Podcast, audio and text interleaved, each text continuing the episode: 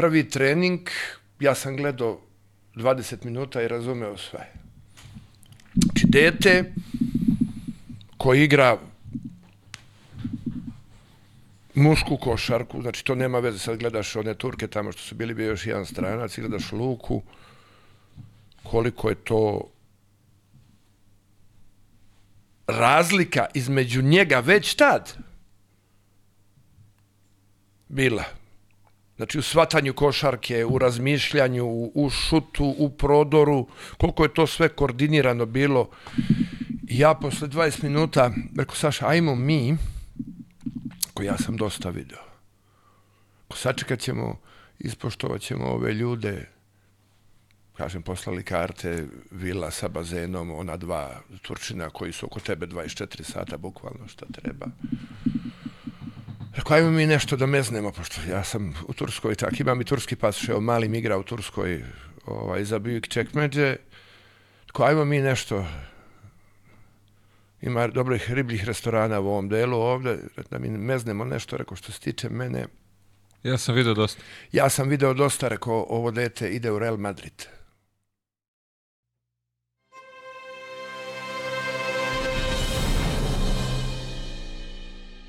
Pozdrav svima i dobrodošli u još jedan Ja Mile podcast. Uh, ovako, ove nedelje, uh, to jest do februara 24. naš sponsor Admiral Bet šalje svakog uh, na egzotičnu destinaciju uko, uko, ukoliko pogodite maksimalu tog dana, a svaki dan je nagrada, tako da imate šanse da otputujete na egzotične destinacije, a sve ostalo ćete naći u opisu videa.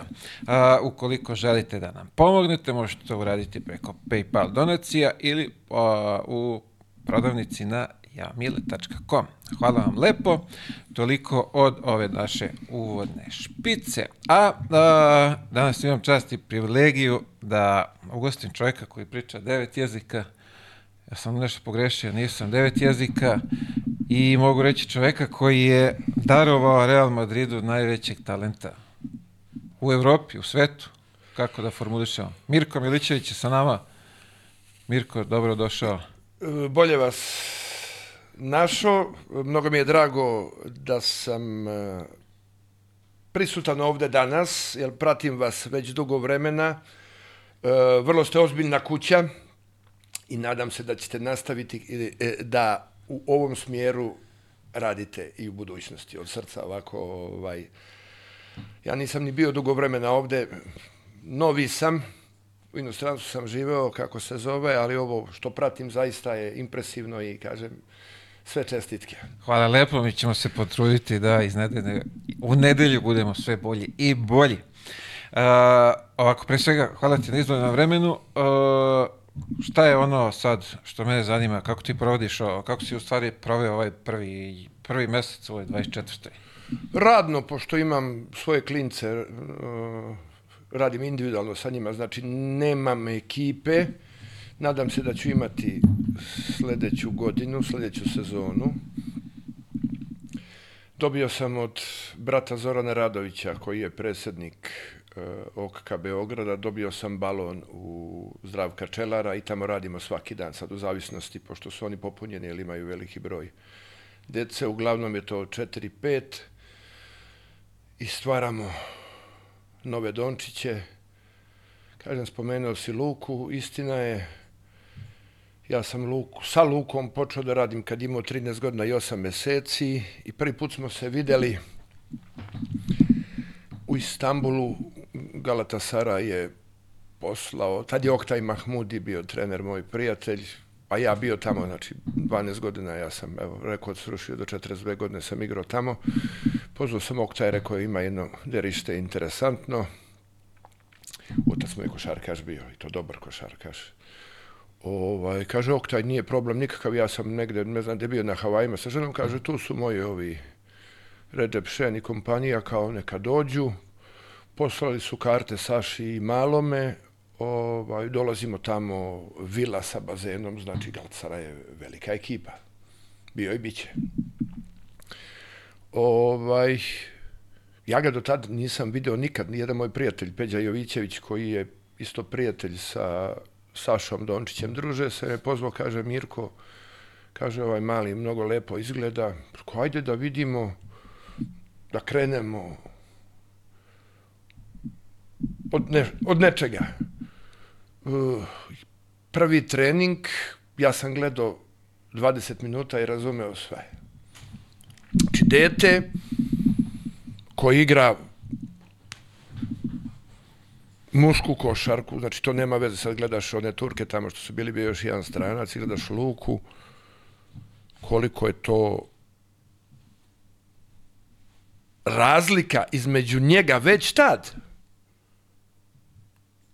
bila. Znači u svatanju košarke, u razmišljanju, u šutu, u prodoru, koliko je to sve koordinirano bilo. Ja posle 20 minuta rekao, Saša, ajmo mi, ko ja sam dosta video. Ko sačekat ćemo, ispoštovat ćemo ove ljude, kažem, poslali karte, vila sa bazenom, ona dva Turčina koji su oko tebe 24 sata, bukvalno šta treba. Rekao, ajmo mi nešto da meznemo, pošto ja sam u Turskoj, tak imam i turski pas, evo malim igra u Turskoj, ovaj, za Bujik Čekmeđe. Rekao, ajmo mi nešto, ima dobrih ribljih restorana u ovom delu ovde, da mi meznemo nešto, rekao, što se tiče mene. Ja sam video dosta. Ja sam video dosta, rekao, ovo dete ide u Real Madrid. Saša me ovako gleda, Real Madrid, rekao, da, rekao, Real Madrid. Prođe prvi dan, prođe drugi dan, ali nešto se desi posle treninga, sad leto, svi se poskidali, idemo na bazen malo, opuštanje, ovo, ono, a Luka je obožavao oca i stalno ga je nešto začikavo, ovo, ono, i Saša mu nešto reče, odgurnu ga. Ovaj ga uhvatio, Saša je kao ja ovako, još teži od mene, dva i četiri. On je uhvatio oca, smoto ga i bacio ga u bazen. Nije on kabast bio, on je znači ovakav bio, ali, ali, ali snaga prirodna, to su Dončići, to su Kosovari. I ja kad sam vidio, rekao, majko mila, šta je ovo? Saša u šoku i Saša gleda ovako, a drago mu. ovaj, završi to posle tri dana, oprosti smo se mi i ja na svoju stranu. Ovaj, oni se vratiše za Sloveniju, zove, zovem ja ove ljude iz Galata Saraja posle par dana, Oktaj kaže, slušaj, kaže, bio je Recep Šen, koji je sad pomoćni trener Ufka Šaridze, onaj s Mhm, naočarima. Kao bio je on tu, ali kao ništa to specijalno nije, kao nama treba nešto, kaže, ok, Oktaj, hvala ti Bože, da ga Oktaj nije video, ili da ga Oktaj video, Oktaj to rekao ne bi. Oktaj je mnogo dobar trener bio, znaš da je bio u Efesu i ne znam gde sve nije bio u inostranstvu i ozbiljnu karijeru napravio. Ali kažem, nije bio, ali e, problem je u tome što i da je Galata Saraj rekao da, Saša ne bi Aminovo, jer Saša je video šta se događa, a Saša je bivši košarkaš i trener i neko ko vrlo poznaje košarku. Jasno. E, posle prvog dana, ja sam sad već imao viziju šta i kako, ja zovem Alberta Herrerosa, pošto smo igrali zajedno, koji je direktor Real Madrida. Rekao, Alberto, imam nešto, nisi video, ni ti, ni ja.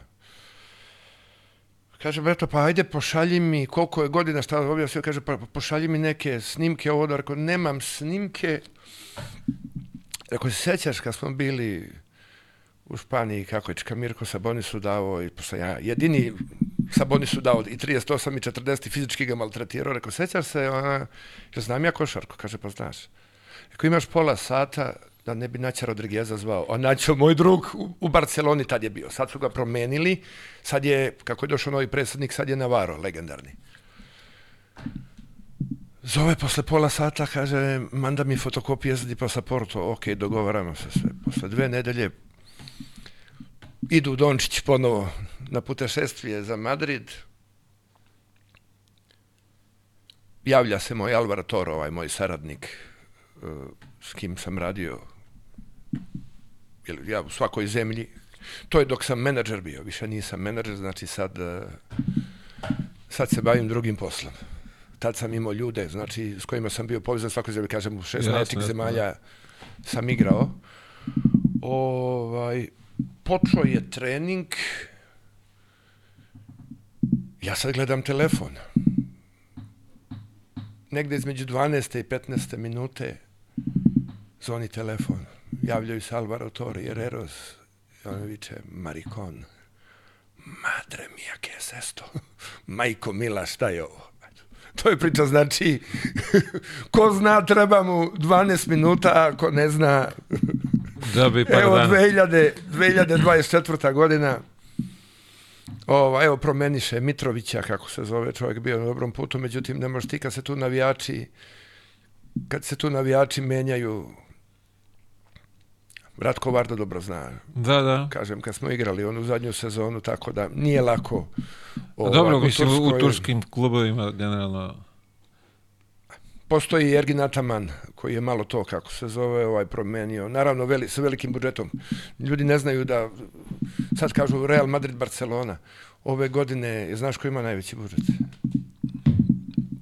Efes Pilsen, 50 i nešto miliona. 50 miliona. Pa Larkin, Larkin tražio še, šest. Micić, da je rekao deset. Evo, Pa sad je, sad je novi plan, Ataman mi je tražio ovaj, da zavedem Monekea, jer kaže, sledeće godine kad vratim Micića i Monekea zajedno i ovo što imam, Rekao, treba ti još jedan centar uz Lesora i kaže mu za ovoga Litvanca što je igrao s mojim sinom prošle godine, bio čak dva puta ga je ubio prošle godine, rekao čoveče, rekao, ovima daš pare, ovaj mučenik ne igra, Sajus.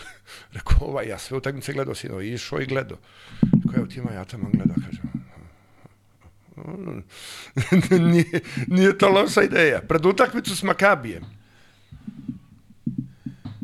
Bio sam, dobio sam, kako se zove, dobio sam karte, znate da Makabi igra Da, da, on je ovde, 150 ali- privilegovanih, kako se zove, ide. Koji broj može?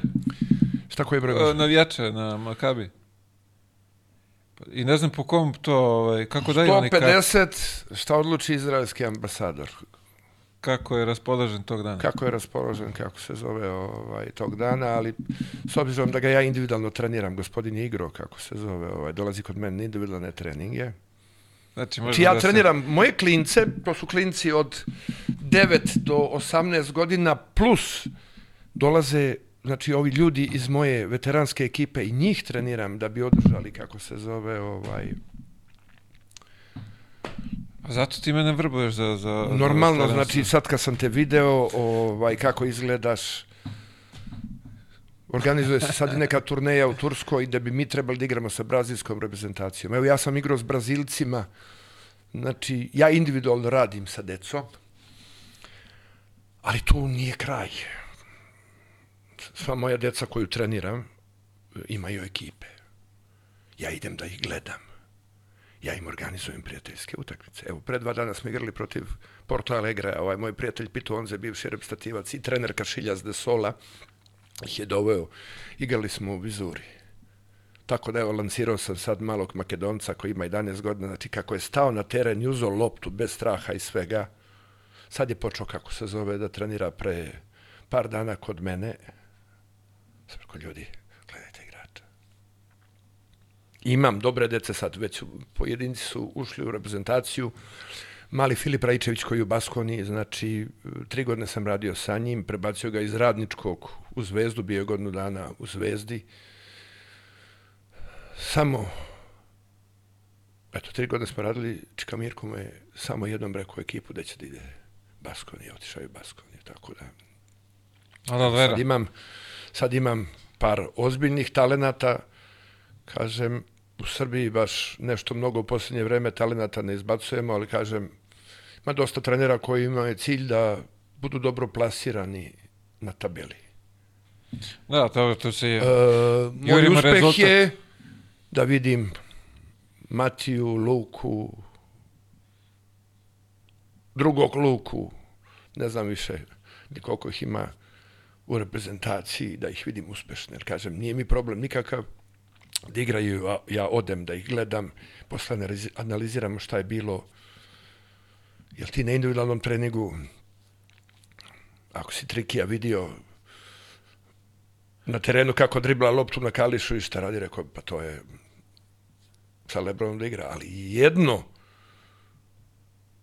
kad si ti jedan na nula, Da, da. a druga je stvar kad igraš pet na pet i samo pet na pet ti možda vidiš ko šta zna, pa onda kako se zove da ispravljaš. Kad ima još neko i da zasmeta na terenu, evo. Tako je. Druga 1 stvar, na 0 možeš budeš Jordan. Svi smo Jordan 1 na 0. Tako je. Druga stvar, ovaj, ja sam imao vrlo pogan karakter. Mislim da sam imao najviše tuča u istoriji zadnje. Ovaj, igrao sam za reprezentaciju do 50 godina i u Orlandu igramo četvrtfinale protiv Litvanaca, a Litvanci su najbrzo, najveći bezobraznici protiv kojih, evo kažem, igrao sam sve lige, pa mogu da merim. E, Toza Zorkić, ne znam ko je još bio od ovih mojih i ne ide kako treba, meni loptu ne daju, što ja sam bio poznat uh, kao trpač, a ne da sam igrao odbrane sa skakao, verovatno ovaj, bi, ne bi igrao do 42 godine profesionalno završio prvoj turskoj ligi, nego bi to mnogo ranije otišlo, mislim, evo 59. godina, ja i dan danas igram za ove moje tebe. To mi je jedno dozvoljeno, jer kažem za reprezentaciju, jedan Litvanac mi udari Tozu Zorkića, brata moga, mi gubimo, ispucavaju se, kako se zove ova moja gospoda, a meni lopta rekao, sad da li da bijem moje? A rekao, nije u redu, pošto imamo neke bratske odnose. Rekao, šta je to? Što ja mogu da napravim da pomognem ekipi? I potrefi se, kad taman onaj Litvanac priđe, tozi, nabode ga, ja sam ušao i celu petorku izgazio, ova, isključiše mene, mi dobijem utakmicu, nisam posle igrao ovu sledeću i to prođe. To je 2015. 2016. Čekaj, su, su, suspenzija tad bila ili ne? Ne, samo jednu utakmicu. 2016. Novi Sad, finale Evropske lige došli Italijani, ali Italijani to ozbiljno shvataju, znači od Carrere do Marija Bonija do Esposito, oni, znači sve zveri kojima federacija italijanska finansira godišnje dva puta hotele, znači bukvalno reprezentacija. Mislim, mi smo Da, da, da. reprezentacija, ali smo sve plaćali u Orlandu 15 dana, kako se zove, i 5 dana je bilo još Majamija. Ovaj, Baš. a stala vista Baška, da, tako je. Ovaj, I prvo polovreme mene čuva Karera, ovaj, čuveni što je igrao protiv Danilovića, ja ga ubijem, damo 25. Četiri faula, ulazi Ricardo Esposito. Sad, ja sam u Italiji igrao u Napoliju, Zdravo Radulović, brat moj, crnogorac bio sa mnom, po, bili smo zajedno u Cimone i posle ja vidim Đura Gotero iz iz Arisa, ja vidim mog predsjednika da pijana, rekao, Boga mi ovaj naš Amerikanac, nek mi Bog oprosti, rekao, sumnji mi je nešto, rekao, pa kaže, "I- imaš ti nešto u glavi? Pa rekao, evo, zovite Miru, pošto sam ja s Kapikijonijem ceo život radio. Ovaj, rekao, Radulović je slobodan. U trenutku kad je zdravo došao, ja sam bio najbolji strelac lige, kako je zdravo došao, 47 je prosek ima. Znači ono što su pevali Maradonija, o mama, mama i namoratoso, znači navijači, pošto napolitanci su specifični. Znači, to su pevali Radulović. Je rekao da sam znao da ovako loptu neće da, samo se zavrti oko mene, blok dobije, jesi li ga pustio samoga, znači Nemaš. 100-100 da ti šutira. I vraćam se, kako se zove na utakmicu, drugo polovreme ulazi Ricardo Esposito da me čuva. I počinju sekire, e, vafankulo, stronco, preko Ricardo, koliko se dugo znao, pa kaže, kakve to veze ima? Tako, staj atento, pazi, nemoj se igrati. Da, slučajno jedan koš i sad, ja ispod koša sad i bacam i loptu i tako jako bacio, znači ja postavio ruke ovako da uhvatim. Sašije me u stomak. Proleti lopta, kako se zove. Znači ja sam mu prišao, pošto sam shvatio, pošto su mi ruke izrazbijane skroz, shvatio sam da ovo mnogo više boli, ovaj deo ovde, znači kad sam ga odalamio, u glavu, on je pao, ja se uhvatio za konstrukciju i skako mu po glavi. Bio predsjednik federacije ove glavne, neki Filipinac i rekao, kaže, Milićević, više neće igrati košarku. Žalio sam se par puta, međutim nisu usvojili, ali evo sad Litvanci su napravili neku drugu asocijaciju, ali Litva, Litvanci, kako se zove, tako da mora da vidimo ovaj, šta će biti i kako će biti. Ali kažem, evo, uživam da imam ozbiljnu veteransku ekipu, da igra Savo Milošević, futbaler, Bogdan Obradović, selektor teniski. Interesantno je da uh, pitaju me ljudi zašto si tako dugu karijeru imao. Zbog tenisa. Zbog Znači, tenisa. sa, Atam, sa Atamanom sam bio četiri godine. Posle svakog večernjeg treninga sam ja sa Atamanom išao legendarnim. Igrali smo još sat, sat i po tenisa. Čekaj, toliko laki trenizi bili, pa je bilo ovaj, snage i za tenis Pa ili ja šta? sam tu kupio, kako se zove, jer najviše sam ja vređan bio. I u Turk Telekomu i u Karšijaci posle kad me prebacio. Jer Ataman bez Srba ne može. Stvar, bilo je mnogo puta, mislim nisam ja advokat, ali mnogo puta je bila priča da je Srbo mrzac, da je ovakav, nije, toliko je samo mrzac da ne može da zamisli kako se zove ovaj ekipu bez Srba. Znači, ne znam koliko ih je bilo do sad, a taman bez Srba, kako se zove, ne, ne može. Tako da za sledeću sezonu, mislim, ovo je sad, što je upo, upo je u haosu, Panathinaikosu, ali dvo- dvogodišnji ugovor ima, tako da Siguran već, je za već, sledeći. već Micića, Micića spominje, ali evo Micić, boga mi, dadoše mu šansu. Ovaj, Tako je, da. Jer istina je, i on mi je to rekao, kaže, Efes su Larkin i Micić. Jedan bez drugog. Različiti igrači koji se fantastično uklapaju. Ko je centar, ko je mama, ko je, nema veze, ali kaže, kad ja imam ovu dvojicu, Ovi ostali će se snaći. Efes, kažem, to je najplaćenija ekipa, imam informacije, kažem, sin mi igra tamo i povezan sam s njima, preko 50 miliona ima godine, jedno ih borba za Ja opstanak mislim da sa sam danas vidio da i smenili su i trenera, ako sam dobro... Ovaj, Pa to je ovaj moj, to je ovaj moj momak Đan koji je bio trenirao klince kad sam ja bio, to, to je sve ovaj, to je sve Turk Telekomova. Mislim, ja ne znam, Skariola sam video pre, pre, pre par dana bio je da gleda Makabi i Panathinaikos. Ovaj, moguće da je Skariolo utrčao tamo, mada znam da Skariolo je u niskom startu da čeka Real Madrid. I prošla godina je bilo isto, međutim ovaj Pa mislim da nema gospodin, šanse. gospodin kako je osvojio, ne znam. Da, ali mislim sa rezultatima koji Real pravi, načekat će se. Da li uh, vidi jednu stvar, uh, ako ostane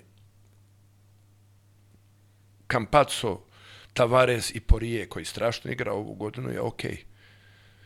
Uh, Tavares ne igra par utakmica, oni su pogubili sve. I one dve utakmice što su pobedili na produžetke, s Efesom kad je četiri produžetka bila Da, i da, da. ovaj uh, i protiv Valencije. Valencija koju je Zvezda prebila pre dva dana. Ovaj, tako da mora se moliti Bogu da se jedan od ove dvojice ne po, Kampaco prošle godine da je bio Partizanu, znaš ko bi bio prvak prošle godine? Partizan. Pa dobro, vidi, oni su bili E sad na dobrom imaš putu. Kampaca koji je fantastičan igrač i Tavaresa, znači gledao sam Makabi i Real Madrid u pioniru. Moglo je biti 104 razlike. Tad sam video koliko je Real jak. Makabi nije ekip, bez obzira što nemaju publiku, što igraju pred 156 ljudi, dve pobjede više od Partizana, ali tako? Pa slagat ću te sad, ne znam. Partizan je da. 11, a Makabi je, mislim, 13. Kako vidiš ove naše večite u, u Euroligi? Kad vidim Gillespija, dođe mi da pozovem Čovića da kažem evo dajte mi dva mjeseca treninga, ne želim, pošto sam ja postao igrač u Zvezdi, pa posle napravio karijeru vrhunsku kako sam napravio. I nagovorit Gillespija da 90% prihoda koje dobija da Milošu Teodosiću i da se moli za Miloševo zdravlje, da se ne povređuje, onda može. Mislim da su ova posljednja dva igrača koja je Zvezda dodala, kaže Gillespie, kaže, otpustio ga Bayern. Pa ljudi, jel vi mislite uh, koliki je budžet Bayerna ove godine? Doveli, la, doveli Lasu, trenera Real Madrida, jeftinog Lasu. Što je ekipa, Bayern ove godine ima veći budžet od Partizana i Zvezde. Lasa ga otpušta. Ja kad sam video kako šutira slobodna bacanja, onda sam shvatio da je moj pokojni Rajko Žižić bio Norejev za njega. Da je tome koća bila. Znači, potpuno dva pogrešna. Onda ovaj Amerikanac, pa i da se Smith zove, kako se zove ovaj zadnji što je išao, Beck što je došao u Zvezdu. Smart. Smart, okej. Okay.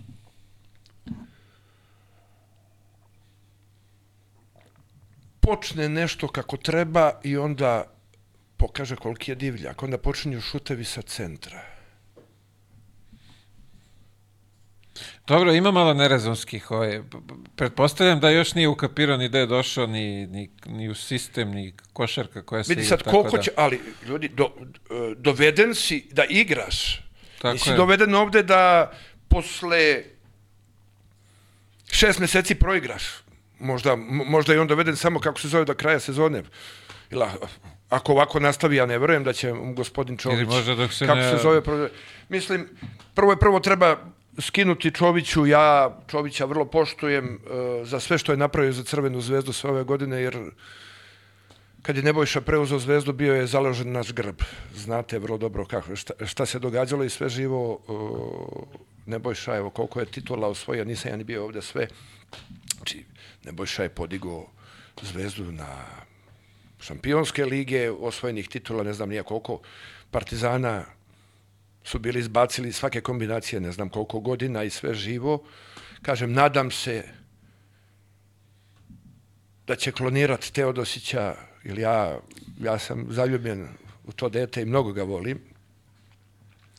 I mnogo tužan oko one reprezentacije svega, kažem, Pešića isto volim i bio je trener reprezentaciji, ali e, Miloša Teodosića, čoveka koji je život dao za našu reprezentaciju, vratiti na takav način ne priliči. Ne priliči za jednu igračinu kao što je on. Evo. Ne igra, povredi se, opet uđe, pa opet, kako se zove, ovaj, napravi šta treba napraviti. Znači, može gospodin Jagoda da 104, izgubi utakmicu, dođe Miloš, da 6 i napravi 16 asistencija i gađa Gillespija u glavu, a Gillespie oh nice, wow. Znači to je razlika, ekipa je dobra koliko su mu dobri domaći igrači. Meni je zlo, sad krećem na Partizan, kad vidim gospodina Ponitku da je došao da igra u Srbiju. Ljudi, ako smo mi spali na Poljake, na Rumune, na... E, to je tužna stvar. Dobro, zabode se uvek neki dobar igrač u nekoj zemlji. Nije sporno iz koje zemlje dolaziš. Da. Pa evo imamo u Vidi, Zvezdi je Hanga, Mađar. Što se tiče mene, što se tiče mene, Ponitka, znači, fantastična opcija za onaj američki futbal, znači, odbrana, onaj prvi red, da ne možeš da ga probiješ, nema šanse. Kažem, nadam se, ja sam zvezdaš, ova poslednja dva transfera nisu mi se svidela. E, Bolomboj, odličan igrač, ali opet nije čista petica, petica. Treba ti, malo je petica, nema petica. Kažem, jedan je Nibo, drugi je Lesor, koga Partizan nije zadržao, petica nema. Monteljuna, strašan igrač, ovaj, od Saše Obradovića. Mislim, i on, I on malo trojka, pa kako se zove s vremena na vreme, kako mu je Nibo udario dve, eto, tu je, tu je završilo sve. Lomi se rezultat, on kreće neke horoge, Nibo mu hvata dva puta, ovaj, znači ja ono nisam video u životu, neko ko je 2 i 7, 8, da onoliko skače. Mislim, ja imam viziju kako bi ja igrao protiv njega, samo bi igrao 10 minuta, kako se zove, pao bi, ako, ako mi ne bi slomio leđa, za, za 10 minuta bi bio na polju. Međutim, ako mu ne ideš u kontakt, ne možeš da znaš ni gde, ni šta je, ni da ga fintiraš. Ako mu je baciš ovako, glavom je hvata. Tako da, kažem, ostalo je još 10 utakmica, e, pričao sam sa Atamanom baš po pitanju i sva moja deca ova koju treniram bili su tamo da se slikaju izigrati sa Realom ili ja ih vodim. Kažem, puno mi je srce da ova deca uživaju i ima ovih mojih izvezdaša i partizanovaca i onda je bilo pitanje Atamanu, a šta misliš ti za Zvezdu i Partizan, da li imaju šansu barem za deveto i deseto mesto? Ataman nije optimista bio ni po pitanju Zvezde, ni po pitanju Partizana. Da rekao, kaže, ajde, mnogo teško jedni i drugi, ali kaže, možda Partizan na kraju bude imao jednu ili dve pobede više. Eto, znači, to su reči Atamana pre... Pa ajde, vidjet ćemo, da. Kažem, Ima još 10 utakmica. Jednima i drugima Može se želim nešto uspeh. desi. Zvezda u Maleru, taman uđeš u ovu seriju neku, ispobeđuješ sve, onda ti dođe Heinz protiv Milana, pa ti povredi za tri minuta, kako se zove, ovaj, povredi, Mitrović udari glavom, povredi Teodosića i povredi, povredi Nedovića. I ti taman napraviš nešto, pobediš u gostima, ili ovaj Milano, kakav god da je, nije ono naivna ekipa. Ti sad imaš otvoreno, dolazi ti Baskonija i posle imaš Albu, e, Valencija, Barcelona, znači tu je realno Zvezda mogla da veže 4-5 pobjeda. I s onim što je znači mogla je realno da se uključi u onu grupu gore od 13. Jer sad koliko imaš ekipa od 12-13. Znači tu se lomi. Ono gore, Real Madrid da ne pobedi nijednu do kraja, Real mora da bude drugi. Barcelona pala, Bolonja pala. Vidi, na veliki je, naporan je ritam, treba izdržati. i- Jeste druga stvar, ovaj, e, sa tamanom pričam, kaže, beka nemam. Svi mu se povre- povredili ovaj Grk što je bio u Olimpijakosu, što su ga potpisali na tri godine povredi, znači on bukvalno ima jednog beka, ne može da nađe. Da, da. Tako da i u ovom trenutku nije ni lako naći igrače, kako se zove, koji su slobodni, a koji mogu da ti koji mogu da ti da ti pomognu. Mislim, nije laka situacija. Ja samo kažem, opet pričamo o Zvezdi, da Miloš Teodosić izdrži sezonu do kraja. Mislim, ABA Liga je jasna da će domaćin u finalu biti Crvena zvezda opet Željko poznat kao majstor podizanja forme kad treba. Sad što se tiče ABA lige, nemaš potrebu da podižeš formu, jer kako se zove, ovaj, jasno je, ne može Zvezda da od ovih 7-8 utakmica da, da izgubi pet, a ti da pobediš sve. Sad je ostala šampionska liga, kako podići ekipu i doći u onu situaciju kažem, dao Bog da idu i oni zvezda, međutim, mnogo je teško, jer baš onaj deo tamo, od Play-in. 13. do 7. mesta, to je jedna pobjeda. Znači, realno svako, i tu, i tu će sad Da, odlučivati da li je i povrede, i ne znam nija kako se zove šta. Vidjet ćemo, ali ona, Partizan krenuo u nekom momentu dobro, bili su čak i gore, ne na neka pet, ko, ko peta, šesta pozicija, sedma, ali sad ovom igrom Mnogo, mnogo, mnogo osciliraju, kako se zove, ovaj, e, sad, Ja mislim, ne, ne znam zašto, ali voleo bi kad bi jedni i drugi ušli u, u taj play-in, play-off, kako god. Voleo da- bih ja, naravno, kako se zove, ja, ja iskreno podržavam i jedne i druge, međutim, u ovoj situaciji sad kažem Partizan pustili su pustili su Lesora Pa ako ja imam informaciju, oni nisu mogli pariraju toj ponudi koju je on dobio. Znači, pored svih Pa ovih znam, ali, ponuda, ali... onda nisi morao da dovodiš druga dva igrača, nisi morao da dovodiš ponitko još jednog, pa si mogao da skupiš pare pa da kažeš ok. Pa, verovatno su, ok, mm, mogli su da... Dobro je da se Aleksa Avramović vratio. Aleksa je pravi igrač, to je pokazao kako se zove ovaj, eh, i u Partizanu i kad je bio s reprezentacijom. Nažalost, povredi nam se ovaj, Dobrić. Da. Ne znam, ne znam zašto je Crvena zvezda pustila Dobriću koji igra najbolju košarku posljednje dve godine u životu. I mislim da je Dobrić igrao protiv Nemaca, ono finale, kad smo izgubili da bi ih mi dobili. Da je to bila karika, ali Dobrić radi sve. Priča se o Jokiću. Pustite Jokića, mi smo došli do finala ovakvi kakvi smo bili. Garantujem da je Dobrić bio u finalu da bi mi te Nemce dobili kakvi god da su.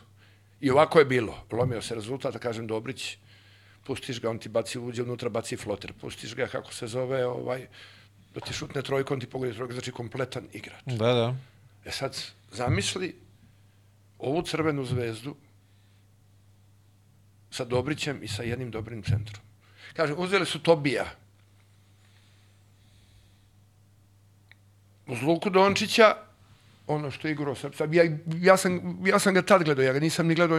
Uz Luku Dončića je moja mama Anđa u Gajdobri, ja mislim da bi morala 12 da da onako kako se zove da se dođeš ovo je malo drugčija situacija. E, o, hoću da te pitam, a, posle dužeg niza godina, ajde, ne znam kako bi sad to posle Teodosića, ajde, da kažemo sad playmakera jednog dobrog da imamo, Mali Topić. Kako Odličan. vidiš ti? Odličan. Odličan. Ali nažalost, nažalost povredi se jer ovo mu je jedinstvena prilika da uči košarku pored maga kao što je Miloš Teodosić. Jel deliš moje mišljenje da je on trebao da bude od prvog dana u, u ekipi Zvezde? Ili treba da bude u Megi i da ostane tamo do kraja? Ja mislim da je ovako ispalo vrhunski. Da se on razigrao, jer pitanje je da je on od početka sezone počeo u Zvezdi, da li bi dobio tajming, ovaj što je dobio, kako se zove, Miško, Miško je doktorirao. Nažalost, ali povredio se, on je povredio se drugu utakmicu. Znam, znam, ali kažem, kažem po meni, nedelje. njemu je odlično ispalo, osim ove povrede koja se desila, jer budi siguran da, da je ostao da igra, da bi on imao, kako se zove, svoju minutažu i onda ovoga novog Amerikanca, Smart? Smarta, ne bi, kako se zove, Ne bi ni dovodili. ne bi ni dovoljno. Ja sam ga gledao pet minuta, jer on i kada način na koji je dao, meni se ne sviđa. Svataš, onda možeš zamisliti kad promaši i kad napravi Mislim, ovo je šampionska liga, Crvena zvezda je ozbiljna ekipa. Možeš ti da se dižeš sa 14 metara. Možda je video Luku na onom All-Star game-u kad je ono šutnuo s centra. Ovaj, Dobro, on je došao iz, ako se ja razumio, G League, gde on igra? Nemam pojma odakle su ga doveli, siguran sam da dečko ne zna gde je došao, možda smo čak i prvi put sad pasoš izvadili, da nije ni izlazi ovaj van. Ne znam gde je dečko igra, stvarno nemam. Mnogo igrača ima koji dođu iz Amerike i sad misle, a ja sam došao ovde, daj da zaradim novac i to je to, da napravim statistike. Oni to vide kao opciju da se poguraju iz dobrog da idu u bolje. A, dobro, ja sam godine u Zvezdi, pa ćemo sad da vidimo. Prvo je prvo, tim ljudima treba objasniti kad dođeš u Crvenu zvezdu i Partizan, zašto si došao? Došao si da igraš finala i da osvajaš. A nisi došao ovde, kako se zove, da bi svoje lične statistike pravio i ne znam nija šta. Moj sin ima iste probleme u Buick Checkmate tamo. Kažem, sine, šta se gleda? Moraš li svaki put Amerikancima koju, pazi, ti ga vidiš, jesu kad mu loptu dodaje, ovaj, ovaj već spreman, tu je, znači samo da, da je izbaci. Znači, zvao sam ga pre tri godine, mog Jesukana, i pričao već sa ljudima da dođe u Srbiju. Kaže, tata, šta ću ja u Srbiji? Kaže, nemam društvo. Pa rekao, ili zbog društva dolaziš, ili zbog mene dolaziš. Omer Faruk Jurseven, koji igra za Miami Heat, je bio večita žrtva mog sina. Znači, moj sin je 27, hoće da dribla loptu, znači čuva od keca do petice. Evo, Bogdan Bogdanović kad je igrao za Fener, tad je Jesukan, to mu je debi bio za Ankaru, Ankara College. Jesukan ga je čuvao i mu dao šest, Jesukan imao 18 i 16. Ali pošto neće da sluša šta tu, ok, ostani, ja ne znam ni ko mu je menadžer, ni koliko para zarađuje, podržavam ga, gledam i nerviram se, celo vreme pas. Ja sam kakav pas. Izvoli pa im zarađuj pare, samo ih kako se zove ovaj... Razigrava ih. Mislim, to je problem, to je problem stranaca, kažem, evo, imam najdužu karijeru, ja sam od 17. godine, sa 17 godina i, i nešto meseci me Ranko stavio da čuvam Benečeka kad je bio najbolji strelac lige. To su bile, to je bila zverska liga kad je svako svako pobeđivo. Razumeš? Znači, to... Pa, promenilo se vremena. Amerikanci dolaze, da, belci, belci nisu takvi. Ali kad ti dođe crnac, crnac, si igrao sa, sa Rolandom Blackmanom, znači četiri čovjek koji igra All-Star, četiri All-Star game s Buck Johnsonom koji je bio starter u Houston Rocketsima, sa, sa Rickijem Winslowom, sa Tarplijem, ne, ne znam, tu godinu kad smo bili u Ajku, to je bila najjača liga. Pa sam neki dan sedao s Vladom Đurovićem i analizirao, pošto mi je Vlado bio trener i u Zvezdi, posle mi uzeo i u Ajk. 26 NBA igrača, zveri koji su igrali U Grčkoj All-Star ligi, game-ove to u Grčkoj ligi. Wow. Kad je bio i Vranković, kad je bio i Savić, kad je bio i Prelević i svi oni Grci. Ja dolazim i Đuro ovako kaže, Mićko, samo da ostanemo u ligi. Nije Blackman došao od početka, imao sam uh,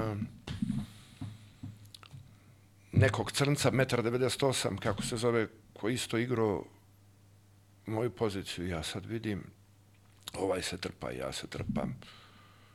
Ali ovaj ne, bukvalno ne zna ništa. I ja mu kažem, rekao, pusti ovoga, rekao, daj nešto.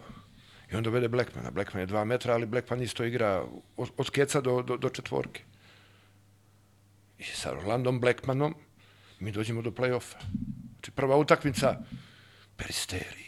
Neki mali 17-18 godina, 2, 5, 6. Ubi nas, rekao, šta je ovo, majko Mila? Milan Gurović. Viče Đora, pa kaže, to je, to, to je, kaže, naš mali Srbin. Nisam imao pojma ja kako se zove, ja pre toga bi, zoveš, ja sam potpuno, da sam već bio 3-4 godine u inostranstvu. Kaže, to je mali Gurović. 28. Nam Gurke dade taj dan. E, posle drugu utakmicu, kako se zove... Znali ste ko je? Znali smo ko je, šta je ono, dobili smo ih, pa smo ih izbacili. A to su bile zverske lige, dok kažem, Roy Tarpley da igrao, Exavier, Exavier McDaniel, ovaj, uh, Eddie Johnson, isto iz Houstona, što je bio u Olimpiji. Ja mislim da je Olimpijakos tad imao 30 miliona, ta, Tarlac se vratio iz Chicago Bullsa, Volkov se vratio iz Atlante Hawksa, ovaj došao iz Houstona. Znači, to je, nisi znao, Savić sa Volter Berijem, Prelević tamo, tatama, Vranković, Dominik Wilkins. Ju, ju, ju, ju, ju. Znači, Kako imena? tu godinu protiv Pantanikosa e, bio sam blizu da prekinem košarku. Da je taj dan kad smo igrali Dominik zakucao preko mene, ja bi prestao da igram. Znači, on se odrazio sa, sa posta ovaj, slobodno bacanje, ja sam bio negde možda metar i po i ja se namestio Da uzmeš napad. da padnem. Nema padanja, čovek leti iznad mene, tad je već bio 37-8 godina. I sva sreća mnogo skočio, on je nab... i sad pazi, kako ide, ovaj, kako leti, ja sad gledam, znači on je nabio ruku, ruka je cela bila i ode na drugi obruč promaši. Da je zakucao taj dan, to bi bio zadnji dan, kako se zove moje kašarkaške karijere. Ja to ne bi mogu podneti. Znači, preleteo me i sad vidiš kako se zove. E, drugi let sam video kad sam bio Patri s Buck Johnsonom, Marko Jarić bio tamo, Dule Vukčević, e, ovaj, Tristanov Ćale, kad je Buck Johnson preleteo Stojka Vrankovića i zakucao je Stojka i Znači ja to nisam u životu nikad. To je najbolja četvorka koju sam ja ikad u životu video. I jedan dan poče ovaj, priča neka i on gleda me ovo kao, do you know why I left? Ako nemam pojma, pa kaže, linija žuta, linija bela, ovaj, kaže, pao sam 5-6 puta na onim, ovo što se desilo sad sa ovim Kardashianom, kako se zove ovaj centar. 5-6 puta kad padneš. Da, da, da. Mada, opet od Blackmana sam doznao jednu drugu stvarnost. Rekao, be honest with me. Koliko si puta imao doping kontrolu svoj život? Kaže, mi gdje sve na z ruki. Jer kaže, šta će se desiti kad bi našli majka ili nekog od ovih, kaže, moje patike se prodaju, njegove patike se prodaju sa NBA znakom. Kaže, that's 30% for NBA. Nemaju oni interes da neka velika zvezda padne. Aj, ovaj Alen Iverson dođe u Bešiktaš, potpuno razbijen. Jedna kontrola, druga, četvrta, peta, šesta, padne na dopingu. Ajde kući. Nego menadžer prevario predsjednika, kako se zove, uzmo, uz odmah 4 miliona i onda su neke završili neku kinesku ligu, Hong Kongu, ono da nema, nema tih zakona. Yes. Što znači šta?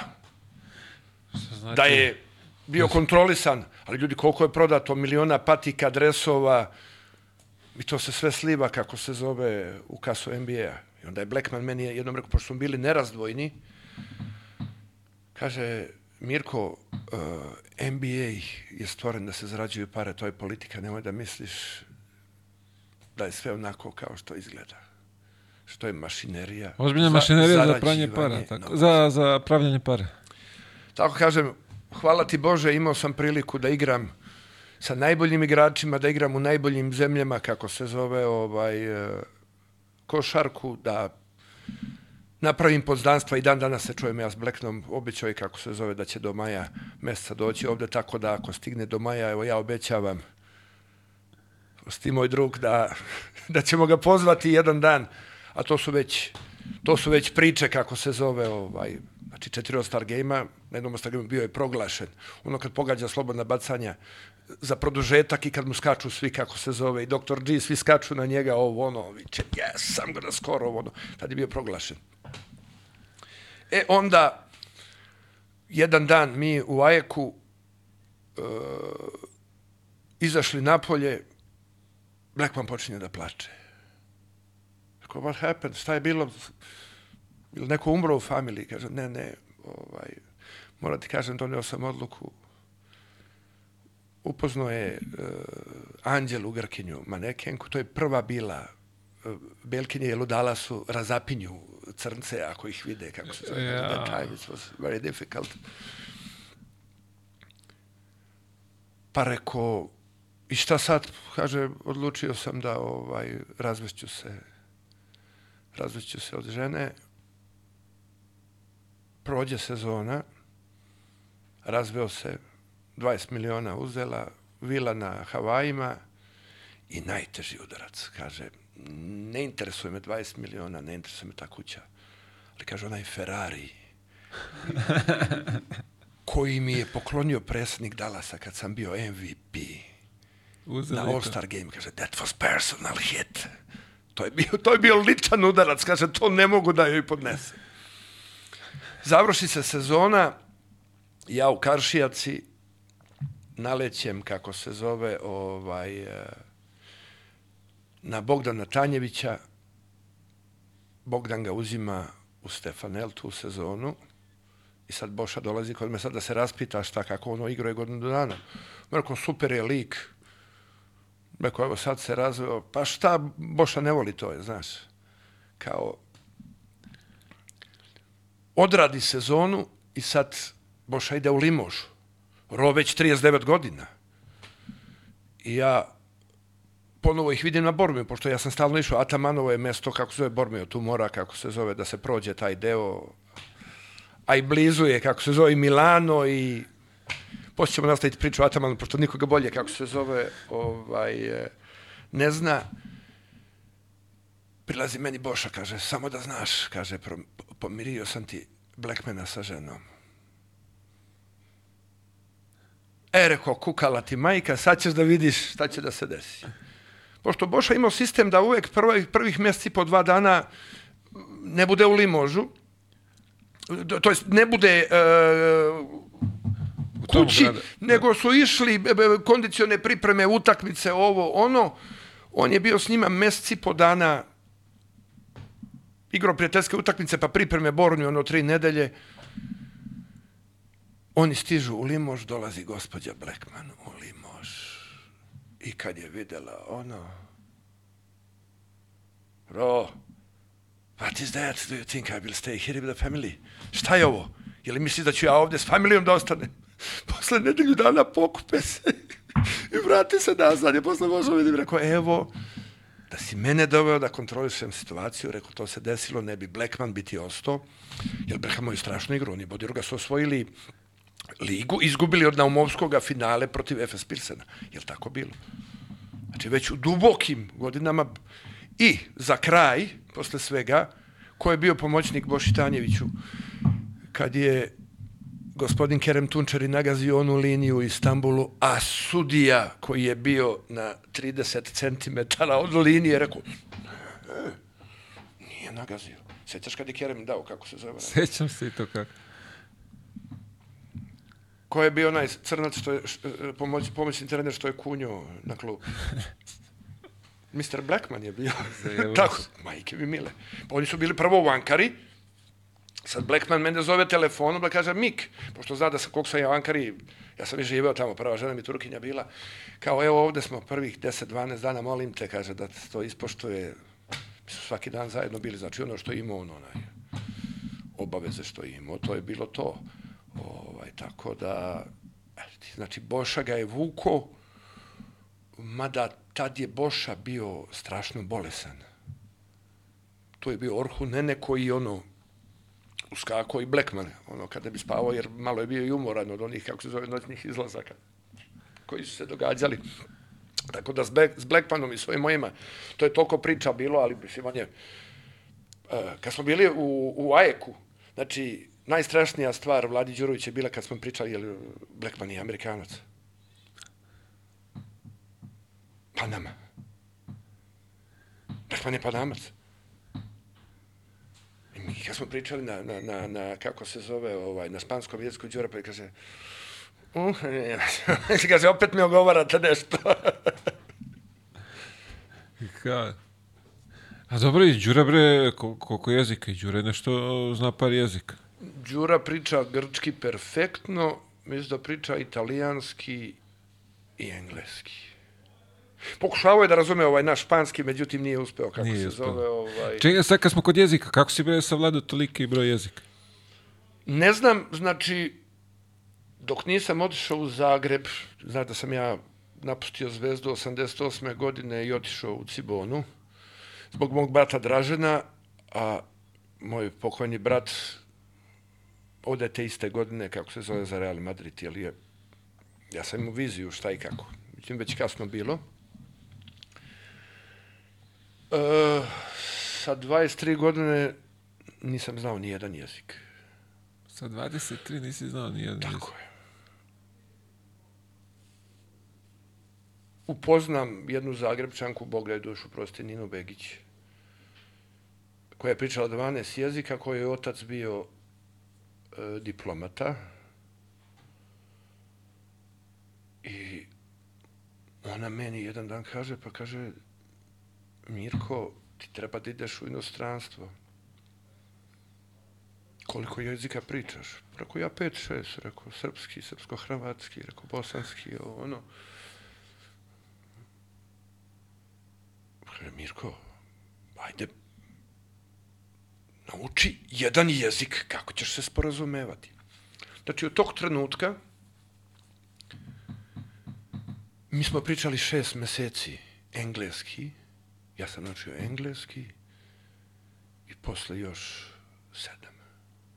Znači, šta mi imamo ovde u glavi, kažu da je Tesla koristio, koristio 3-4% mozga, znači, vratno do tada ja sam koristio 0,3, 0,34, ovaj, eto, i kad bih napustio zemlju, ja sam posle radio, čitao vesti dan danas, ja kad otvorim, gledam vesti na mnogo jezika. Onda kažem bugarski, kako se uči bugarski, pa ova druga žena bugarka. Či ti si bio prisiljen? Ruski. Nisam, samo se umreti mora, kako se zove. Nažalost, uh, sa prvom ženom sam se razveo kad je mali imao 4-5 godina, ja sam tad igrao još, ja znaš. Jesukan vrlo malo zna naš jezik, kako se zove, zna volim te, kako si gladan sam, kako si baba i tako taj rad ne zna mnogo. Međutim, mala, sad kažem, mali igrao i za tursku reprezentaciju, a opet ova druga igra za bugarsku reprezentaciju, tako da evo, moramo da radimo sad da ostavimo kako se zove nekog reprezentativca ovaj, s ovom trećom ženom. Sve to najavljeno bilo sa devet godina meni, pošto moja je malo familija specifična. Kad sam imao devet godina, moja pokojna baka je vidovita bila. Sad, možda ako vi moji iz familije budu gledali, ona me podigla, ona me naučila svemu kvalitetnom. Ona me naučila Bogu. Ja sam rođen na Svetog Iliju inače. Ovaj, kad sam imao devet godina, kaže, dođi, dođi, sedi ovde. Ja sednem, kaže, kaže, u sine moj, kaže, ti ćeš se ženiti tri puta. Ja gledam ovako, kakva ženitba, Kaže, u, kaže, ova prva neće biti naša. Iz Turske je bila. Gleda, kaže, kaže, u, ni ova druga nije naša, ali je bolje. Bugarka. E, kaže, ova treća, to je valjda ova sadašnja. E, kaže, ova je naša Hercegovka, kaže, to je to. Mesec dana pred moj odlazak u Zagreb, u Cibonu, idem, kako se zove ja da se pozdravim, ono, da se vidim sa familijom. Baka gleda, kaže, sine moj, kaže, ideš ti iz Zvezde, ali kaže, nisu to naši. znači sve što je rekla u životu, sve je pogodila. Sad, ali to je pričala sa mnom, pomagala je drugim ljudima na neke druge načine. Nije veštičarila, tamo posla. Ali iz moje familije, ja ne znam, osim moje majke, koja isto ima stvari, ja kad idem u Gajdobru, ja se mami ne javljam. Ona se javi i kaže, e, e, šta da ti spremim kad stižeš? Znači, po tatinoj strani, Milićevići nisu visoki, kažem, kad sam otišao prvi put u Bileću, ja sad rekao, Rmpali. Nalazim na, na divove, niko preko 180.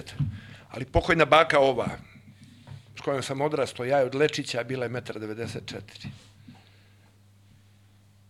Znači, kompletna familija, tata, pokojni stric, tetke, svi su pokojni, Bog ne dušu prosti, svi su bili, moj pokojni tata 2 i 2, a ruka, znači, ja znam, pošto od sedme godine, kog sam batina dobio, Znači, za mene je postojao samo teren. Sad, malo ljudi zna, ja sam bio golman.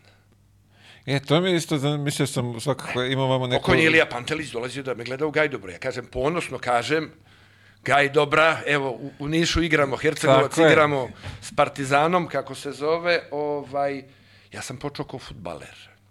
Kopačke za Šustera pravili 48, 49, ja nisam tad Šuster bio, kako se zove, ovaj, ja okrenem, krenem do, na rukomet, pivota igro, Čekaj, kopačke nema, ali patika bila.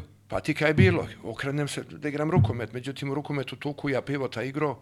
A čekaj, samo malo zanima, kakav si golman bio? Odličan, dolazio Ilija Pantelić pokojni da me gleda. Či bilo je šanse Tako da, je, da tako budeš i tamo... Tako je, bila je šansa velika.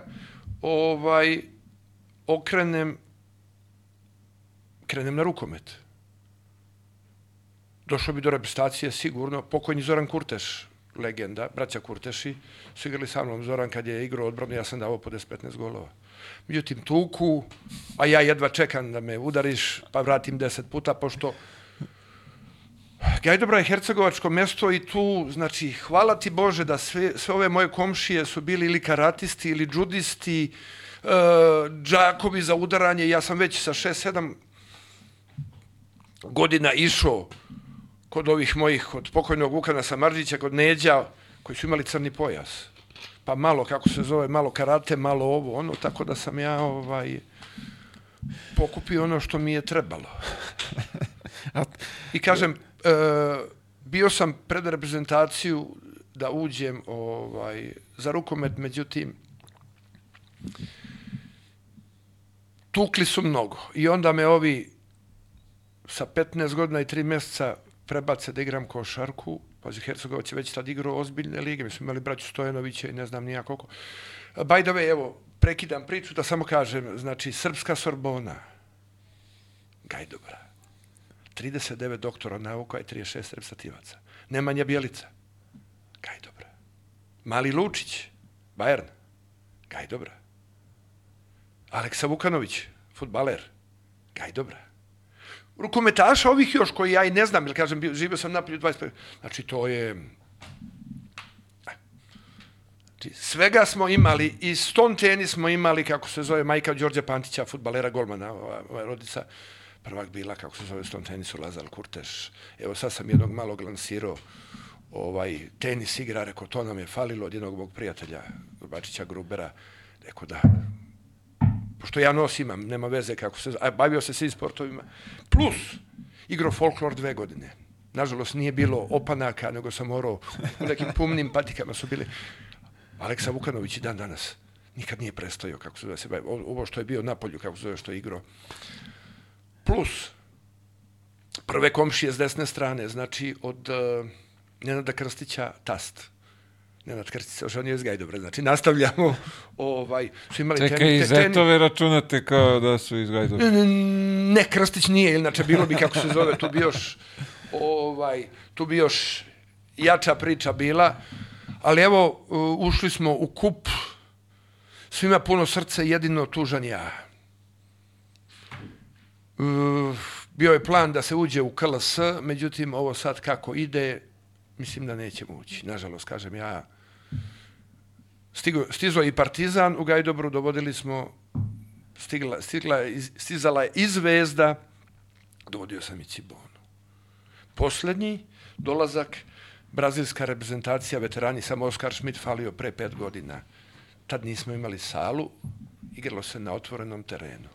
Znači, kiša je prekinula masakr, počelo je klizanje, kako se zove ono, inače, i prilazi mi ovaj moj pitu, što je neki dan. Viče Mirko, kaže, izginuće neko, preko dobro, svako sprema se kazan riblja čorba, taj rad, to je kod nas, rekao, normalno. Tako da je kroz Gajdobru ozbi, su ozbiljne ekipe prvo defilovale, otvaranje sale, brat Žarko Paspalj podbacuje loptu, bili su Srećko Jarić, Toza, svi ovi moji, e, gospodin Darko Miličić. Znači, do trenutka kad sam video prvi put Darka Miličića, impresiju koju sam ja imao, ja sam mislio da je to indijanac koji nema pojma sa životom. Kad sam ga video protiv nas, kakav je to potencijal, kakav je to šut, kakav je to pregled igre.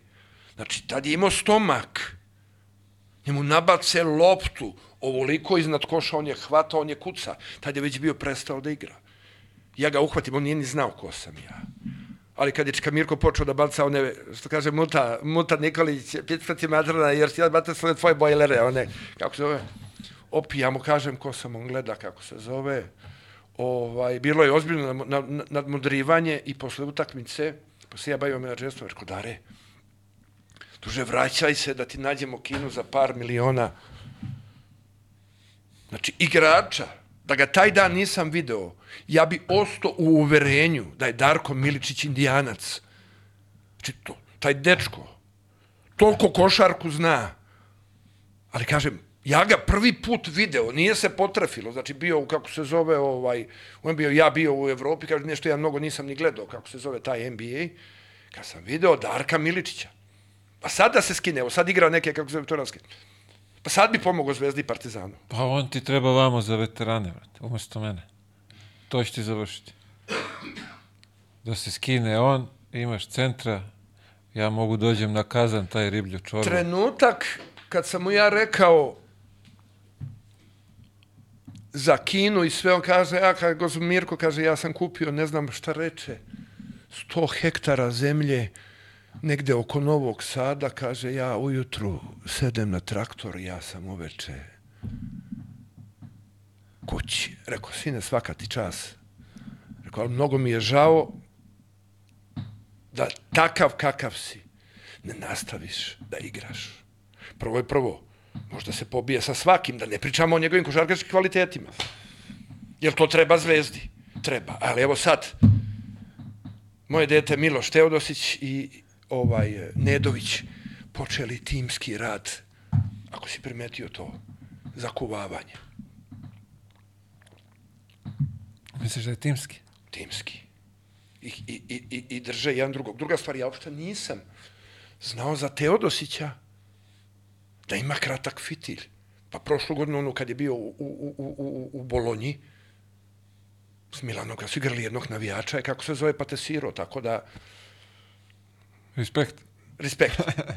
Da se nadamo da će ostati još par godina da izvede ovoga maloga Topića, kažem, malog Topića i ja ne znam, Ćale tamo znam, ja sam drug, kako se zove, s Milenkom, ali onakav kakav je, bez mišića, bez ičega, onakav potencijal da ima svaka čas. Ali kažem, žao mi je da se povredi, jer da se nije povredio, potpuno bi druga priča bila.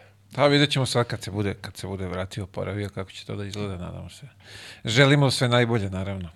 E, o, hoću da te pitam, ti sad posle futbola i rukometa imao si i, i folklor, ti si imao dobru podlogu za basket. Ja sam. Kasnije kad su me pitali, kaže, sad ljudi ne znaju, ja kad sam bio u Zvezdi, ja nisam imao kilaž da se objasim, ja sam imao 88 kila.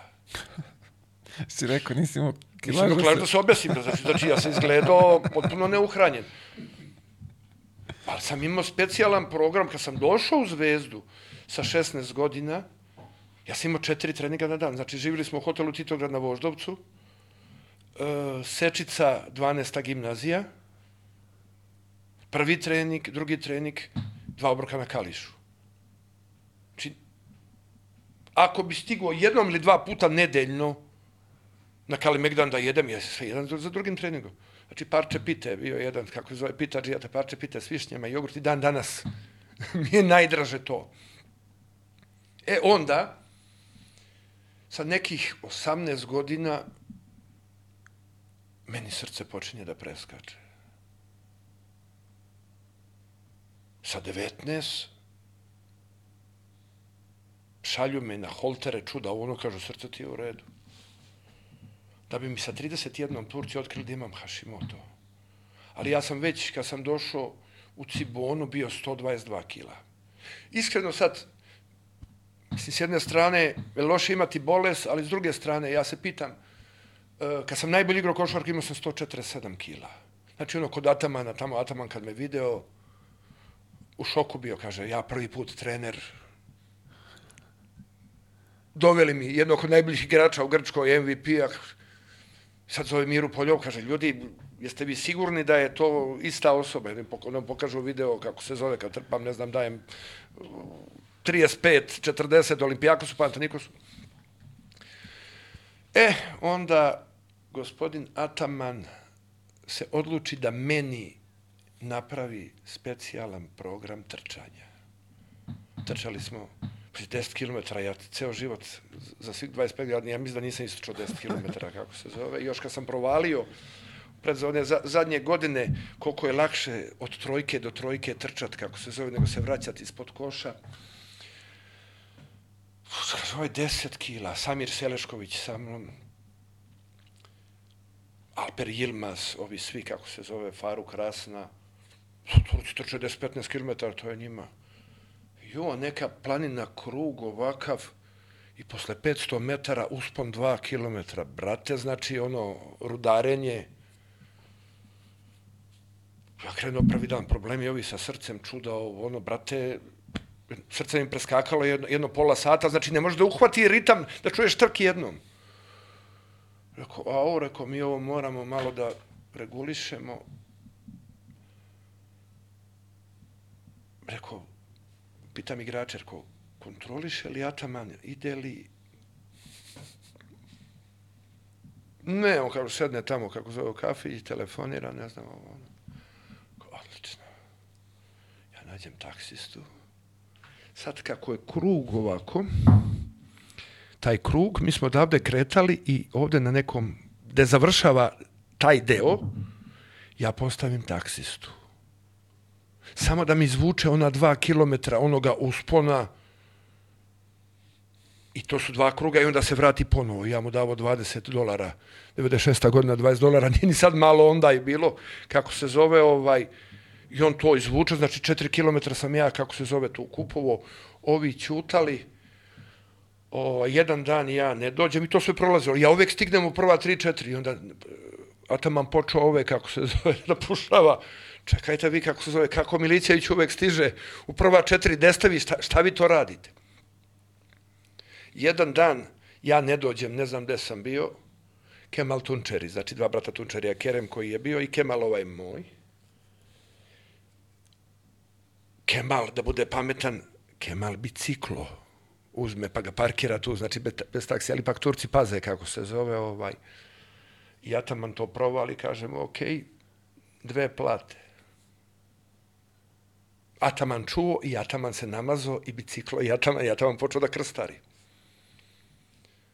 Uhvati Kemala dve plate, a Kemal sad van sebe pa kaže i Mirko je radio ovo. A Ataman gleda kaže, pa budalena, nisi ti Mirko. ja bio najbolji igrač tamo bio. Četiri, pet godina sam bio najbolji strelac lige. MVP. Kaže, pa nisi ti Mirko. I prošla nedelja ja sa Atamanom otišao da ga vidim ovaj, pred utakmicu sa Patanikosom i poče priča. Ja sam mislio da to Ataman ne zna za mene. Ladno meni Ataman. Kaže, alo, pa jel ti, jel ti misliš da ja ne znam da je ovaj da je tebe taksista vozao, kako se zove, ovaj... Ali kaže, skinuli smo ti kila, nije problem nikakav, ovaj... Znači, Ataman je počeo 96. godinu karijeru sam. Mlađi je godinu dana. Nikakav razlog nije imao da se bavi trenerskim, znači novac Erginu Atamanu nikad predstavljao ništa nije. Jer 96. godine, kad smo se upoznali, njegov otac, on je jedinac, je bio težak 150 miliona dolara. Jer mu je otac zastupnik, znači prvo je prvo komunicirali smo na italijanskom i Lataman je odrastao tamo, kao što mi je otac. Znači predstavnici zvanični za kalcone je familija Ergin za Tursku. Znači imaju svojih 4-5 fabrika, plus e, što prodaju mašine drugima, znači za predenje i ne znam nija šta. Wow. Ataman Nisam znao taj podatak. nije bio pa kad me malo češće zvao, kako se zovemo. Pa vidi, ne, boga mi morat ćemo ovaj... Ne, ne, nedeljno, nedeljno sastajanje, kako se zove ovaj. Znači, Erginu je bitno, znači, uspeh i da je na televiziji, da je u novinama, da se priča. Pa prošle godine četiri puta se vraćao na konferenciju za štampu kad je bio ovaj, Taman dođe, ovi ponovo, aj, ajde ponovo. Dajte samo konferencije za štampu i da se priča o uspesima. Kakve pare? Mi u Bormiju, i sad došao onaj Marko legendarni koji je, italijan koji je pravio za nas velike, znači od NBA-a i svih, jel pazi, tad, tad, je, tad, tad je Evropa bila puna NBA igrača. Kaže, dođe sa kombijem, on je negde tamo iz Treviza, ne znam nije odakle, to kombi zgrada. Da imaš odigle lokomotive, sve za nas. Znači, dođe Blackman 50.000, one sa koje, ne znam, shoes, snake shoes. I ja, kako se zove, ovaj, pazario na 10-15 hiljada, međutim, poneo keša sa mnom 6-7. Ja kod Atamana, Ataman, ja mislim da ispod 50 soma u džepu uvek ima, self-confidence, ono. Rekao, daj mi 7, 8, 9 hiljada, koliko je bilo, rekao, pokupovali smo ove stvari, odmah otvori, kako se zove, sve cak, cak, cak, cak. Rekao, čim dođemo u, u Ankaru, rekao, ja ti vraćam pare. Došli u Ankaru, ja mu bacam onu kofertu, rekao, evo ti one pare što si mi dao. Kad je uzo kofertu, kad me opalio po glavi ovako, Sittergit ne para. Nije hteo pare da mi uzme. Znači, ataman, pare nisu važne. Ali evo čovek, gde god bio, znači nije bio samo, je li bio u Sijeni pa je osvojio, pa je ode u Galata, Saraju, Bešiktaš, koji do tad nigde postojali nisu, on osvajao svugde. Tako da te ne začudi. Jeli, pazi, sve, o, bar njih što je e, radilo sa njim, što se basketa tiče, ti trenezi njegovi nisu ni na što ličili. Bar ne ovo kako se kod nas radilo. E, sada ti kažem ja jednu stvar. E, čuo sam izjavu Mačvana kad je rekao da je Atamana gledao samo petak i subotu za trening. Vreme koje sam ja proveo sa Atamanom smo radili kao konji. Šta Dobro, se to može posle biti. promenilo, ako se promenilo, ja kažem, ja pričam kroz moju prizmu saradnje naše četiri godine, tri te, Turk Telekom i godinu na Kašijake. I tu godinu, kad smo otišli u Karšijaku, pre potpisa moga za Karšijaku, ja sam bio u Fenerovom, opis, u, u Fenerovom ofisu sa predsjednikom Osmanom Jalčinom, to je znači sinovac od bivšeg predsjednika Azisa Ilderima. Zvoni telefon, Ergin se javlja i počinje vređanje, gde si ovo, šta ti daju? Znači, on nije tu. Otkud on zna da sam ja, pazi, ja 35 godina, star konj već i Fener mi nudi dvogodišnji ugovor. Tu godinu nisam otišao, ja otišao je, otišao je Ćure, Radisav Ćučić je otišao, kako se zove, umjesto mene. I sad, sad meni neugodno, šta ti daju? Pa ako šta ima veze, kaže, šta ti god daju, ja ti dajem, kako se zove, sto više. Ako bon servis, obeštećenje, i to plaćamo, kaže, prodali smo dva igrača FSU. I sad, ja obožavam Fener, ogromne pare mi daju i ja sam 35 godina, znači ja sam veteran došao, ja sam došao tamo s 31 godinom, s 31, 32 godine ljudi prestaju. Ja tek, ja, znači ja počinjem moj adventure tek u Turskoj, da sam igrao do 42 godine. Ovaj, kaže, razmisli još jednom. Ovi ljudi sede tamo, znači samo da parafiram. Rekao, ljudi, možete li mi dati još jedan dan da razmislim malo? Rekao, nemojte se ljutiti ovo ono. Ja sledeći dan pozovem Ergina, rekao, šaljite kartu. Ja odem u Karšijaku. Pozovem ove ljude, izvinim se, naravno, kako se zove, Fener je velika ekipa, bio i biće. Još veća je bio dok je bio, kako se zove, Azildirim, jer je to kralj kraljeva. I odlazim u Karšijaku. Kaja Peker tamo legenda, znači pravi igrač, dolazi uh, Pašutin, koji je strašno, znači NBA potencijal bio, i Vrbica Stefanov. Znači, 14-0 smo imali, sve smo ubili. Za primer, tu godinu je Tofaš bio šampion sa Jaskom Repešom, tad kad je bio David Rivers i Rešad Griffith. Moja večita žrtva. Prva utakmica u Izmiru, znaš koliko je završila? Za Karšijaku. 105-65 za nas.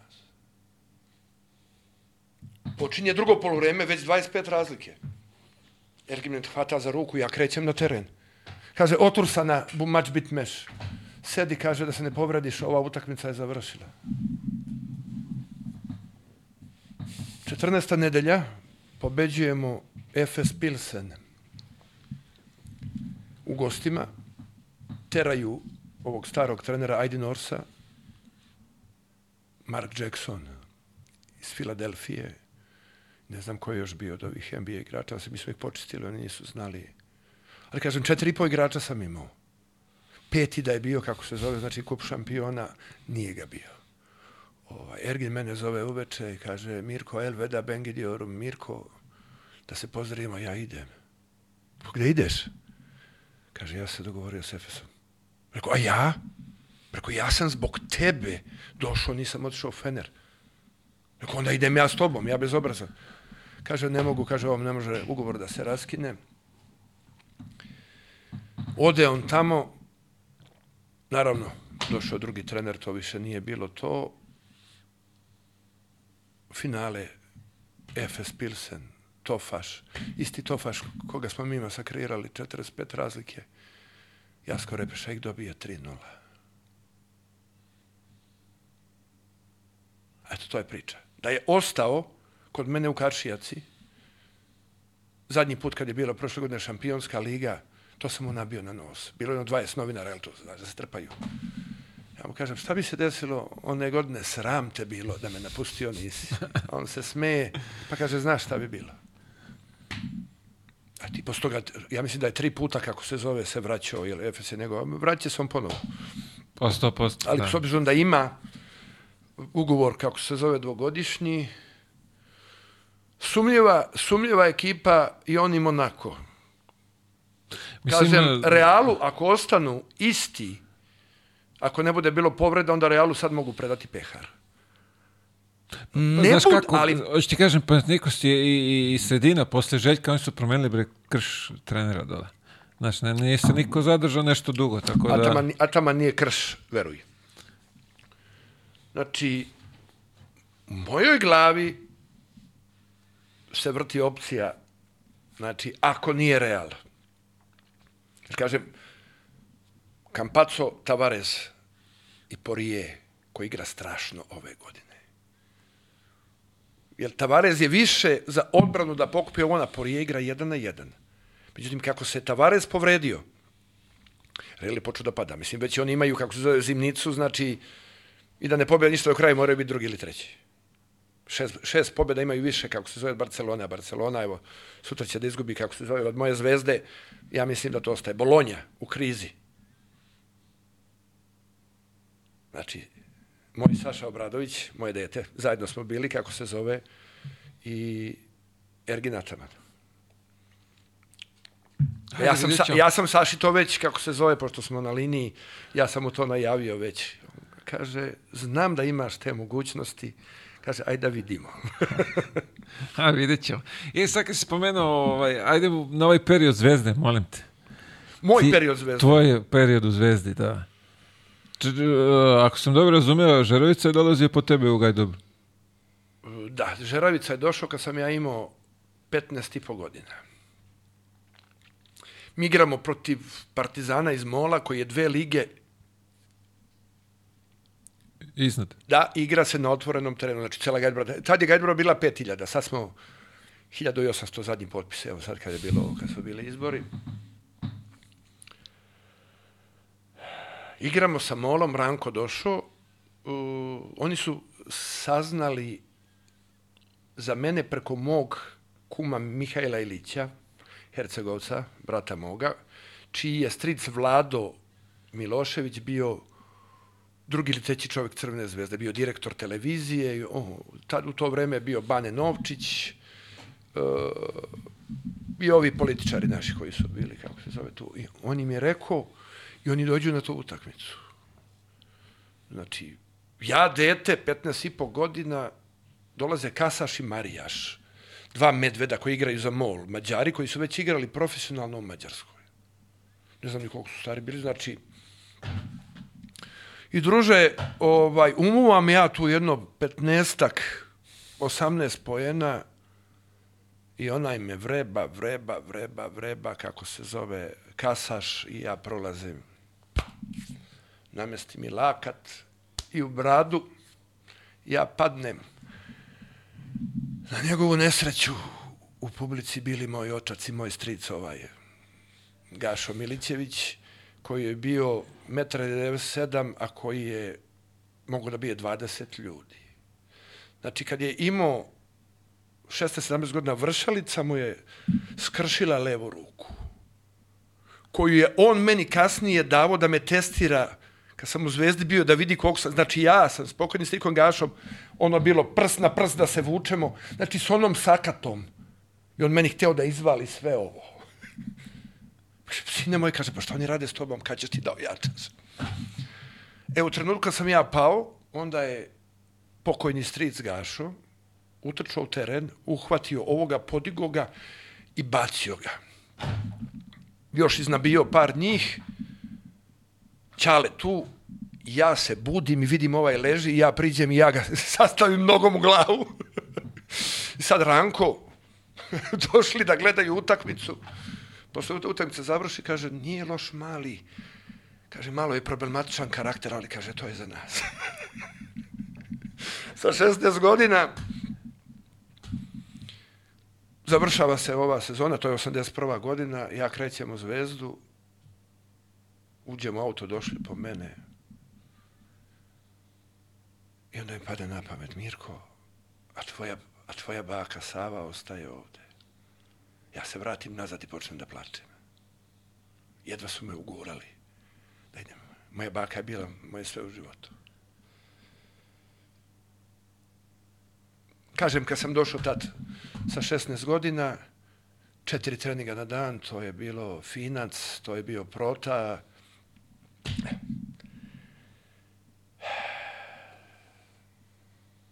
Maler mi se najstrašnije desio u životu i mislim da se to nije desilo.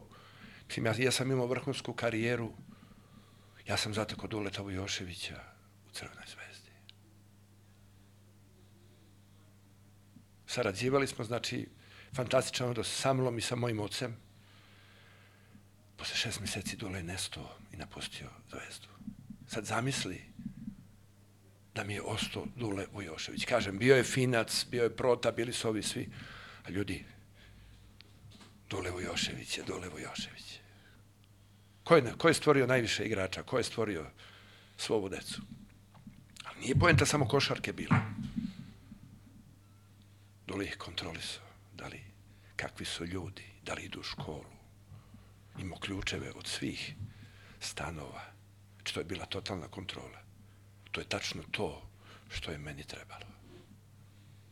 Sad ja razmišljam, kakav je maler bio da sam ostao s duletom ja, da sam radio dve, tri godine. Gde bi završio?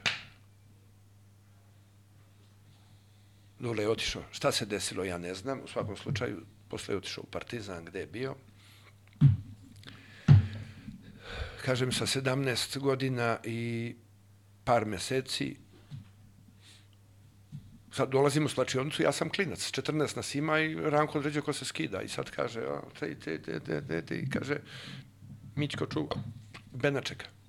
ja gledam Avdija, ovi guraju se, Bena čeka ne bi strelac lige. A ko je u ekipi u tom momentu? Avdija Karadžić, svi. Zoran Radović, pokojni Janković, Žižić, Bogosavlje, Petović, najčuveniji crnogorski šuter svih vremena, ovaj, i kaže ti, ja čuvam Bengu, da mi 5-6 pojena. Krene ja sekira, on me gleda, znaš ti ko sam ja? Rekao, ne znam i ne interesuje. Kratko i jasno. Kratko i jasno, ne interesuje. Ja 18 godina, uh, prvo sam bio u 12. gimnaziji, pa sam onda otišao u Ugostiteljsku. Ja sam bio recepcioner, Jug Bogdanova, pa smo radili praksu u hotelu Palas. Znači, ja sam recepcioner, pokojni Sreta Sretenović, konobar i Ivica Mavrenski. Imali smo, znači, strašnu ekipu i rukomet, profesor Kele, znači, neviđen lik. Ovaj, sad da se vratim ponovo na Gajdobru, znači, nisam ga spomenuo E, profesor koji ima uticaj na sve nas, pokojni profesor Anđelko Kašković, koji nas je uputio prema sportu. Znači, nekom Bog dušu prosti.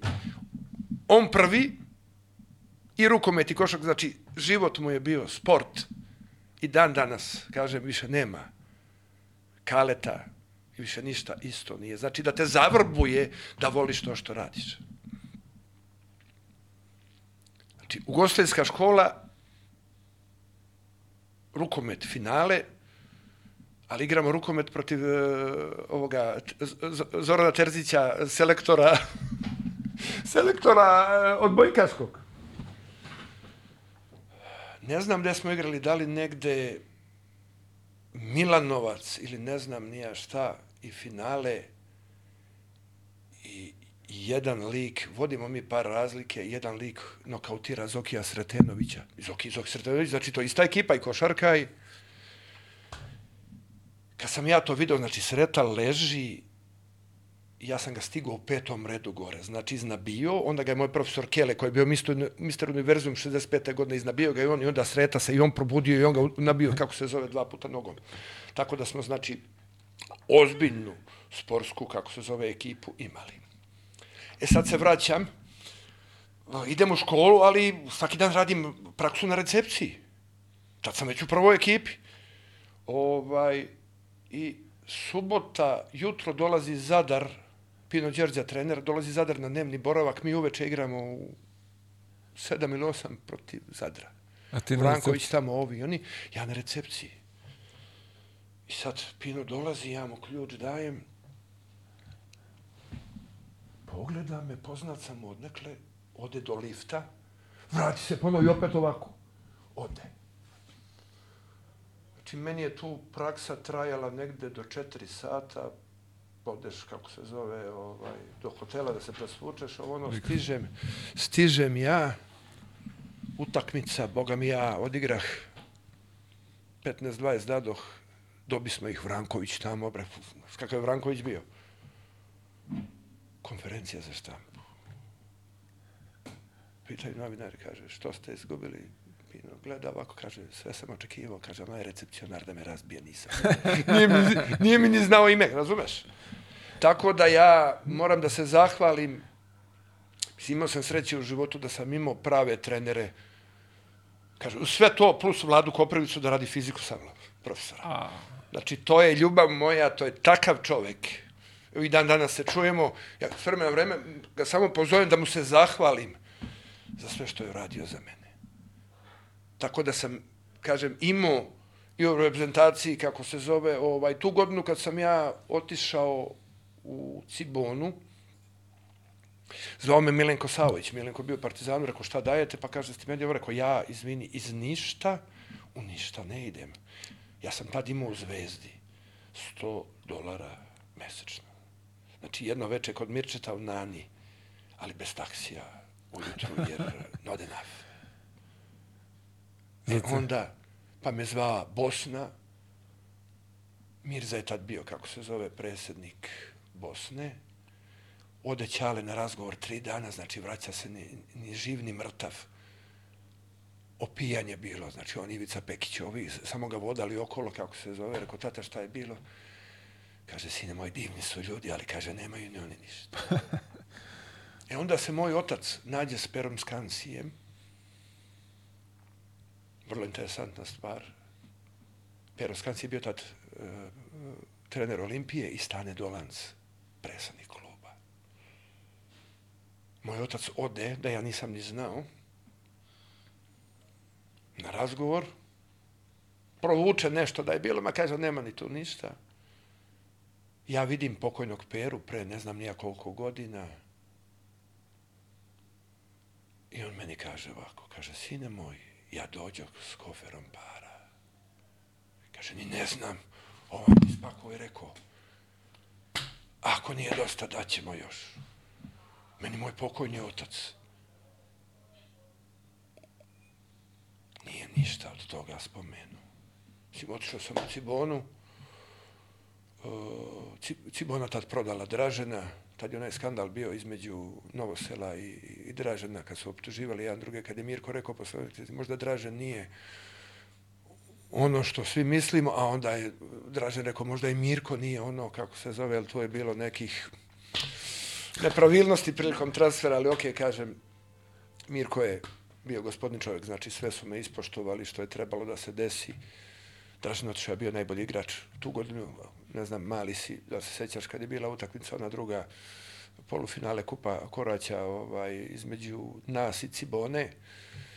Napravimo ja i Dražen opkladu, ko da više da onaj drugi nešto uveče napravi sad. Šta je opklade bila, nema veze. Počinje utakmica, ja sedim na klupi. Franja Rapović igra. Ček, ček, izvini, to je zajedno ste igrali? Ne, Dražen u Realu, ja, u- ja u Ciboni. Aha, U okej, okej, okej. A pre toga smo igrali mi sa Žalgirisom, izbacili, to je tad kad sam Sabonisa urnisao, to je bilo prvo urnisanje kad sam mu dao 38. Znači, samo daj one 3 metra, 4 metra džajante, samo mi ne daj kako se zove, ovaj, Od po dva. to i ono, metar 97, 2. Ovaj, ja gledam, vreme prolazi, poče utakmica, 28-4 za njih. Viče Vanjak, ajde ulazi. Ja vratim na šest razlike. Ovaj gleda, Razu Razića ubacuje Nebojšu. Šta preko Razić nije? A tamo braća Martini, Romaj, Romson. Znači zveri, znaš kako su braća Martini bili, kako i Romaj, Romaj je 2.14. 23 minuta sam igrao tu utakmicu, jedna statistika ima, ja mislim da sam 39 dao, ovaj dao 47. I posle utakmice, ovaj, by the way, pre utakmice Aco je spavao kod njega, Aco je moj brat. Ako ste videli neki dan onaj zagrljaj bratski između Ace Petrovića i Željka Obradovića, jel znate od kad datira to? Od momenta kad je moj brat Željko bio u vojsci u Zagrebu 88. godine, znači svaki dan. Ja i on i Aco Petrović smo bili nerazdvojni. Ono kad nije bio u vojci, mi smo ga razvozili, vozili šta je trebalo, bili smo sa njim, znači onaj zagrljaj vučeo tad još, eto da znate i to. Završi se, kako se zove, ovaj, utakmica, ja držam za ruku. Rekao sam, Radu, ti si im rekao da me stave u 12. minutu. Znači, bila je tu utakmica, ima, znači, 88. liga, kad je bio, bila Jugoplastika, jedini igrač koga ja nisam mogao da čuvam, ali nije ni on mene bio jedino rađa, kad sam, kad sam im davo, kako se zove, ovaj, bacaju me na zemlju i oni sobini kukoč, ja sa zemlje bacam, ovaj, Anzolović viče, je li moguće? I ova je ušla, ne znam kako se zove, znači, to je najjača liga bila, tu sam ja i Partizanu, tu godinu, kad je Divac dobio udarac u glavu od babe Elze, povredi ga Franjo Arapović, sad Diki Krvari, Moma Jakovljević nije bio, sad Fatorini, naš doktor ga vodi u slačionicu i šije ga 15 minuta. sad Diki onako, onako ošamućen izlazi i sad baba Elza koja je imala u torbi jedno 5 kila kamenja ovako u okrenu i Dikija pola, vidiš Dikija ovaj. Mi smo ih tu dobili. Znači, e, tu utakmicu, e, da li sam dao 33, 34, 35, ne znam, ali u svakom slučaju dva za nas.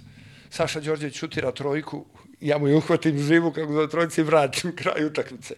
Znači, e, to što sam doživeo tad, od Cibonine publike, da me cela hala sačekala, da me izgrbe, izljube, izgrle, to nisam doživeo nigde. Znači imao sam specijalan tretman dok sam u Zvezdi bio. Međutim, dođe onaj nesretni rat, ja u vojsci u Splitu, opkoljen u Lori, na razaraču Split, a imam još dve godine ugovora sa... I sad, spasi me što nisam koristio redovno i nagradno, skinuh se ranije mesec dana. Znači, svi ovi moji koji su bili sa mnom, ostali su još četiri meseca zbog manjka vojnog kadra, jer više niko nije slao, ni Hrvati, ni Slovenci. Ja se skinem, dolazim u Zagreb, imam ugovor još dve godine. Počeše pripreme, idemo u Valjadolit. Kasnije, posle dve godine, ja dolazim u Valjadolit i potpisujem ugovor. Tamo Veljko Mršić, sad Veljko se već razigrao, tamo Raza, došao Čevat, Zdravo Radulović, Knego se vratio. I sad, taj mali Veljko Mršić, dok sam ja još bio, znači ja sam ga obožavao. Od novca do treba ti auto, treba ti ovo ono, znači gledao sam ga kao, znači, kao sina. Igramo protiv da li je studijante sa Danko Cvetičan tad bio, igramo turnir. Ja šutnem loptu. Znači, to je posle vojske par meseci. Prilazi gospodin Mršić, hvata me za ruku. Kaže, pička ti materina ciganska, što ne vratiš. Viš. Ja gledam semafor 4 minuta i 15 sekundi. Najdužih u mom životu. Idemo u slačionicu. Znači, kako sam ušao u slačionicu, nije on mali, on ima dva metra. Ja sam ga uhvatio ovako i otresao u zid, iznabio. Još je neko krenuo, da li pokojni sob ili neko, još sam ja nekoga tu, kako se zove, ovaj, utrčava novo se dozno šta se desilo i Karnera izbacio ekipe, kaže Karner u pinzlu matrano izbačen si ili nisi unio trenerke, Mirko, da smiri kako se zove situacija. Uveče zove me u svoju sobu, meni Mirko mnogo volio, znači mnogo jedan čestit. Evo, umro je prošle godine, znači pravi lik. Kaže, sine moj, kaže, ja ne znam šta je to, to je neki nesporazum bio. Kaže, ostaje meni to, sve će to biti u redu. Rekao, gledajte, čeka Mirko, rekao, ovog malog smrada, ja sam ga odhranio, ja sam ga pazio. Rekao, ja ne znam čime sam ovo zaslužio, koji ne znam koliko ću još ovde da ostanem. 15 dana je prošlo toga, mi se vratili, više nije bilo aviona iz uh, Zagreba, ja iz Ljubljane, poslednji avion, onoj kopilotskoj, unutra dve torbe, sam spakovao i vraćam se nazad. Posle u novinama, ne znam nije šta izašlo, ne znam, neke našli neke moje slike, kako se zove, iz vojske, zoveš se ja sliku, da, da, da, da. da zoveš, ovaj, to je bilo, evo kako izgleda nenaužan četnički narod. Znači, prvo je prvo, ja toliko mrzim Hrvate da mi je venčani kum Miro Musić, Hrvat. Toliko mrzim muslimane da mi je prva žena bila odande. Znači, ja nemam problem. Tako sam odgojen. Dobri ljudi su dobri ljudi. Ja kažem, u mojoj karijeri, imam najdužu karijeru. Treba da se pravi film o meni, devet jezika će se zvati. Ja sam gledao ljude kroz to kakvi su, a ne da li je neko Hrvat, da li je, kažem, odrastao sam u Dubrovniku eto, sa Jaskom Repešom su se basketi pravili, ali tad sam ja već shvatio Jaskove ovaj, potencijale, da se ja izvučem napolje, a Jaska se stavio, znači Jasko, ljudi ko ne znaju, eto, na Lapadu smo, da to su, to su bili basketi po, po 15-20 basketa, niko nije mogao kad, kad nas dobija. I onda, pošto moji su bilećani, tetke se udale iz bileće u, u Dubrovnik i evo ja ceo život kažu, što ne jedeš meso? Pa rekao, u Dubrovniku se ide pod vodu. Vodio, vodio sam Atamana jednom, kako se zove, ovaj, ušao pola metra, ja sam išao 20 metara, kako se zove, da tučem hobotnice i... I zato sam tražio celo vreme Grčku i Tursku, Napoli, opet more, Đurin Mali. Vlada je sa mnom bio svaki dan, znači išli smo s profesorom našim Babićem, koji isto bio ovaj, kondicioni, Luca Vavrona kod aerodroma tamo, Znači, evo, 59 godina sam, meso ne jedem.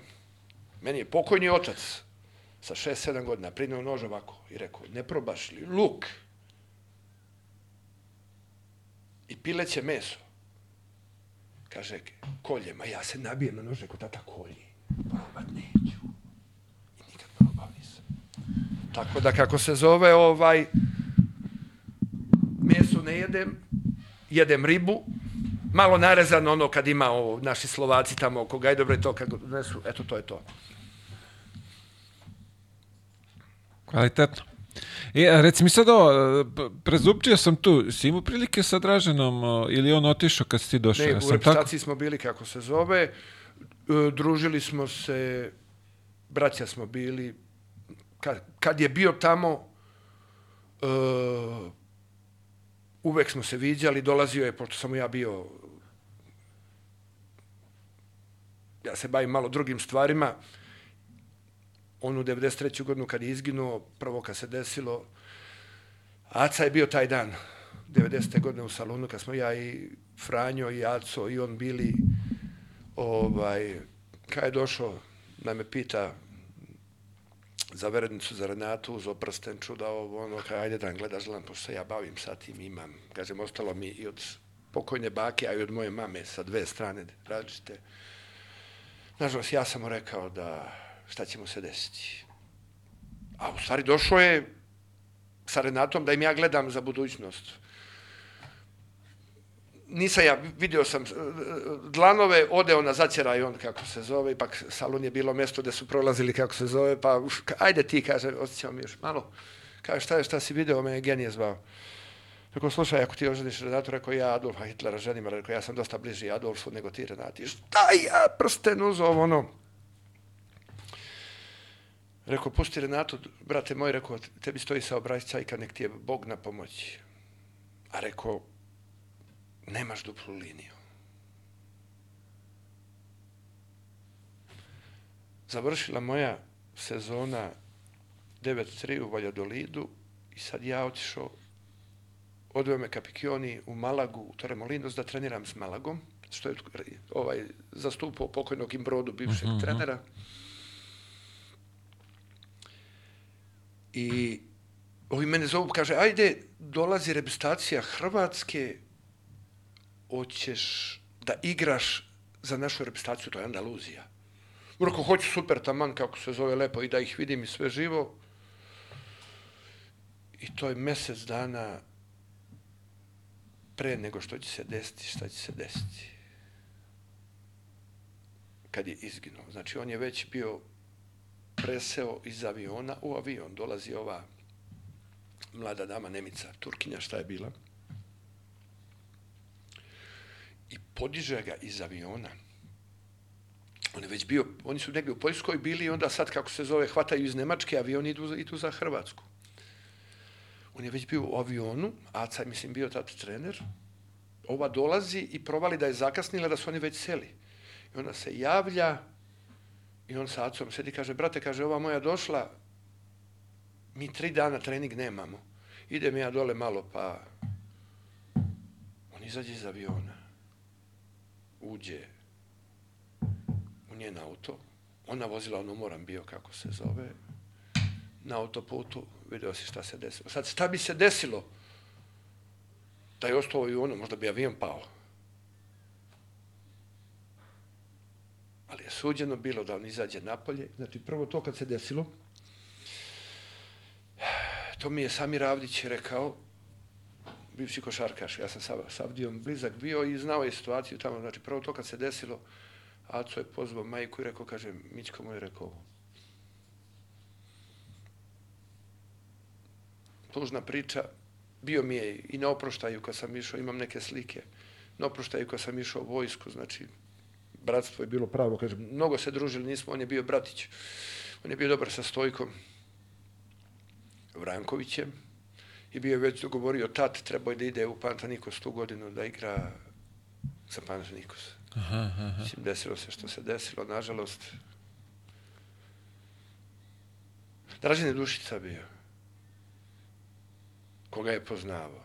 Mislim, imao je on je svoje drčnost, ali u principu u prijatnom životu ovako je bio pravi. Dobro, on je, kako sam ja provalio iz priče i svega toga, on je bio super zvezda u, u tom periodu. Vidi, on je bio zvezda dok nije otišao u NBA. Međutim, kad je otišao kod Portera i kod ovoga Clyde Laja, Klaja Glajda, on je sedao na klupi. Da, da. I da imao i psihološke probleme, jer pazi ti, sad kad ti dolaziš zvezda i sediš na klupi likovima kao zvezde, On je video da je on mogao tu da igra, međutim ti potpisuješ ugovor da kaže to i to i plus 25 minuta garantovne igre. Zamislite sad vi u Srbiji da imate, kako se zove, potpiš ugovor sa Gillespijem i da kažem da mora da igra, kako se zove, 25 minuta. A dobro, nije ni on toliko loš ima sreću da je pored Teodosića. Pa da, ali vidi, da sam ja trener, ja mu dao bonuse i rekao, vidi onoga tamo, ono, najbolji onaj, unesi mu se u facu, da vas isključe obojicu, najbolji igrač njihov, ti imaš duple premije. Ti bi išao na tu kartu. One of them. Znači, eto, to mi je prvo palo na pamet. Sad, košarkaški i bez Teodosića ne znam. Pa, složit ćemo se, svi pored Teja proigraju. I postanu i bolji igrači. Ko što Ja kažem- ovamo sad pored Jokića, svi fantastični. E, nisi te pitao za Luka i Nikola što rade u Americi. Kako, kako gledaš ti na to? Luka je derište koje se još igra košarkom. Znači, Luka, Luka Dončić, moj Luka. Ja za dve, tri godine očekujem da počne da igra ozbiljnu košarku. Opet Jokić u nekom svom svetu, znači, s crncima ne možeš da skačeš i da trčiš. Moraš koristiti druga oružja koja očigledno i jedan i drugi imaju. I to rade Luka, odlično. kažem, Luka je klinac. Luka je 99, to, znači 24, sad 27, 8. Ako ne prestane do tad, kako se zove, ako se ne zadovolji s ovim što ima, ovaj, ja tek onda očekujem kako se zove eksploziju. A za Jokića mnogo nekorektnosti sam primetio kako se zove, ovaj, na Lebronovoj strani nije, ne pokazuje i ne znam ni ja šta, ovaj, evo neki dan su prozivali Lebrona, je li žrtvovo kobija, pa je malo čudno pogledao ovoga lika i to sve. Kad je bio onaj Halloween party, svi se obukli onako, a on došao, kako se zove, normalno. Vidi, tamo si u tom sistemu i svi očekuju da, da se prikloniš njima i njihovim obrati malo kad vrednostima. budu sledeći put pokazivali aerodrom u Dallas, u, u, u, u, u, Denveru, sorry. Dosta sličnosti onoj glavnoj sobi u Vatikanu. Ono iza pape, onaj Kipčić. Satanizam i ne znam ni ja šta. I to je, to je tamo postalo, kako se zove, ovaj normalna stvar. Ja kažem, moju decu, rođen sam na Svetog Iliju, mnogo verujem u Boga i kažem hvala ti za sve što si mi dao. Mnogo si mi u životu dao, ja moju decu. Nikad nisam učio da košarka treba da im bude na prvom mestu. Da veruješ u Boga, da si kvalitetan čovek, imaš školu i ako je na četvrtom mestu košarka, okej. Da budete kvalitetni ljudi, da i vaši roditelji i ja budemo ponosni na vas, jel? Tako vreme brzo leti. Evo ja kažem, počeo sam sa 17, završio s 42 godine. Znači, prestao sam s 41 i zbog moje bivše žene, Bugarke, ove, koja je bila kapitan reprezentacije u odbojci, na njenu želju, ja se vratio posle godinu dana. Odveo sam je, na kraju se ispostavilo da je njen otac Konstantin Tenev bivši reprezentativac u košarci. Odvedoh i ja na utakmicu jednu Turk Telekoma Evropu da gledamo i sad ona velika sala, ulazimo unutra, podiže se 12.000 ljudi i počinju ovacije. I ona gleda ovako, kaže, Mirko, za tebi li je to? Ma rekao, ne. Nisam se ja ofirao, kao, jel ja sam doveo da je zastupam kao menadžer, pošto je potpisala kako se zove, ja sam radio sve sportove, pa i odbojku. E, kad su počeli, Mirko, Mirko, ona gleda, pa kaže, za tebi je. Pa rekao, da, rekao, igrao sam ja ovde, kako se zove, ovaj, rekao, za Telekom. Pa kaže, pa igraš li još? Pa rekao, ne, prestao sam, rekao, prošle godine. Kaže, mnogo žalko da ne mogu da te vidim. Pa rekao, ili hoćeš da me vidiš? On me gleda, pa kaže, a što da ne? Sledeći dan ja, pozo, ja zovem mog prijatelja Nađija, trenera bio koleđa. Rekao, Nađi, ben don mek istiorum. Nađi, ja hoću da se vratim. Kaže, gde da se vratiš, da mi budeš pomoćni trener? Rekao, ne da igram. kako te igraš, kaže, crni si na koliko si godina, pa rekao, toliko. Kaže, nemamo para da ti damo.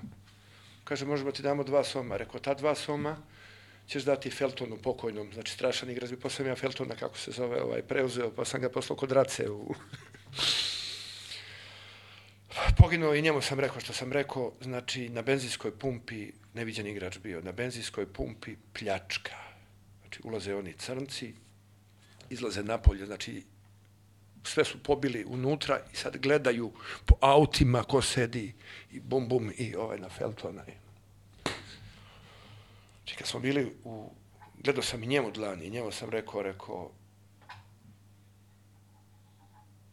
Neki bilo nekih pozitivnih pozitivnih tih ovaj gledanja. Ovo se za sad sve o, kako hronika. ne, kako ne, kako ne, kako ne. E, najveći problem je moj bio što sam ja u subotu igram dan pred utakmicu počinje oko da valja. Znači, ako valja desno je pobjeda, ako valja levo, nikad me prevrlo nije 25 godina. Kažem opet, onda je Ataman slao pokojnog Meriha, pomoćnog trenera, da pita Neolađak. E sad, danas je prvi februar. Tako je. ako možete da napravite kontakt sa Atamanom, pa da ga pitate pred turnir moja žena Milica je bila prisutna, kad sam mu rekao pred for final i jedan i drugi, da će da bude šampion. Ja sam mu rekao, pitate ga, samo jednu stvar, da li ti je Mirko rekao da ćeš biti dva puta vezano osvajač šampionske lige. Pre, kad je to bilo, ja sam igrao sa Dušanom Ćukom u Patri, kad, je, kad su bili svi ovi Buck Johnson i sve živo, i sad okupljaju nas na podcast bivši igrači Aleksandris trener, ovaj najjači novinar Grčki, i poče priča o Draženu i o proročanstvima. Da bi se gospodin Ćuk umešao, Ja sam to zaboravio potpuno. Kaže, mi igramo sa Ajekom, tad je Vlado je otišao, Piksi Suboći došao. Igramo sa Ajekom u Patri, 14 razlike, 5 minuta do kraja za njih. Traži Aleksandris timeout. Ja na timeoutu kažem, pedija, odigai matimu dexia, αυτό παιχνίδι δεν μπορούμε να χάσουμε. Momci, igra mi desno oko. Dodajte mi loptu, ovu utakmicu. Mi ne možemo da izgubimo. Znači, poslednjih pet minuta ja sam pogodio dve trojke sa centra, one šuteve što, što ovaj sad pokušava iz Zvezde, kako se zove, uvek mu zaboravim ime, ovaj novi, što je pokušao posle onih osam pojena kad je dao, ovaj bek Zvezde. Znači, kako sam prešao centar i dao sam im dve trojke onako normalne i plus jednu dvojku s faulom, mi smo ih dobili. Posle utakmice utrčava Piksi Subotić, moj brat, u moju slačionicu, ovako me hvata i davim. Kaže, zašto mene, šta sam ti ja skrivio? Rekao, Piksi, ti si moj brat. I ti i Šale, svi su bili tamo vlada. Rekao, druže, ovo je moj posao. Ja sam potpuno zaboravio to, znači da sam ja dobio ovaj signal pobednički, koji se javlja tad, znači, vidi, svi imamo različite linije života, zato što nam je svima Bog napisao, slava mu, ono što je napisao. Od sudbine ne možemo da pobegnemo. Kažem, e, ja sam s bakom dosta radio po tom pitanju, ali dosta i talenta. Ja sam radio na sebi, razumeš? Jednom mi je ona rekla, Ma kaže, ova tvoja luda majka ima iste stvari, kako se zove, što imam ja, neće da me sluša. Ja u Napoliju, strunio stomak, ne mogu da spavam dva dana, ja samo pokojnu babu zovem, ona mi strunju izlije, kako se zove, kraj. Bilo kakva bolest, bilo kakva uznemirenost. 94 godine, to je mo- moja duša bila. Kažem, od nje je krenulo sve. A sad moj, moju familiju, da pitaš ove najbliže, velika je familija. Znaju oni neke stvari ovo da je mogla, na primjer, mene je prepljuvavala svaki dan pred ulazak u školu na trening, skidala negativnu energiju mene. I sad ja, kad volim nekog, naučila me, ja sam učio, kad mi je do nekog stalo mnogo i kad želim ja mogu da pravim, onda ovaj, Atamana sam prepljuvao. da znaš, pre- pred finale je nenormalan. Ovaj, eto, to je ta priča. O, Ola Olvera. E, pazi, pazi ako, pošto si rekao da si ograničen sa vremenom, evo, iscurilo je već vreme, ovaj, uh, zamolit te samo da mi, Savjet za mlade si mi dao malo pri kad si ovaj, rekao šta, šta bi ovaj, za, za decu, uh, samo da mi napraviš top 5 saigrača, petorku saigrača iz... Mojih, Da, ali ovaj naš ovde Balkan. Kojima sam igrao. Tako je, bez Amerikanaca. Znači, ne mogu, ne mogu moj ljubav Teodosića da stavljam kako se zove. nisam, nisam igrao, ipak je razlika. Uh, uh, uh, uh. Sergej Baz... Ne. ne. Vrbica Stefanov, jedan. Ok, bravo. E, Zahar Pašutin, dva. Ali ovi ovde Balkan. Zahar je već malo... Pa dobro. Daj. No, eto moj brat. Ajde, eto moj brat, aj. Baćuška. Sad si me suzio kako se zove, ovaj, ovo nije laka odluka sad. Pa znaš. znam, zato jeste za kraj.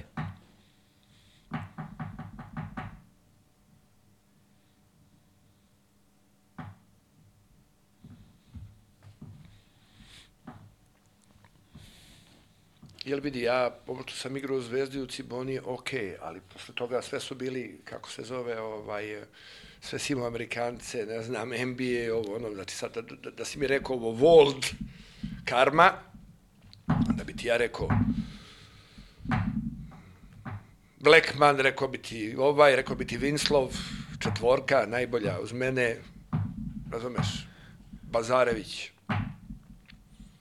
pa Šutin, znači to su ti igrači vrhunski, kako se zove, koji su igrali. Ovo, ovo, ostavi me, ostavi me, kako se zove, nedorečenog. Zaista, ovo prvo treba se sad setiti, znači čovjek koji je promenio 15-16 ekipa, ali sad neko da mi, Ajde, izaći ti u susret, daj mi ceo svet. Šta imaš od petorke, od caigrača, da su bili pored ne, pa tebe? onda Vrbica Stefanov, Vrbica Stefanov, Kec, pa Šutin 2, Blackman 3, Buck Johnson 4 i eto ja kao pet. A bez tebe na petici, ko je?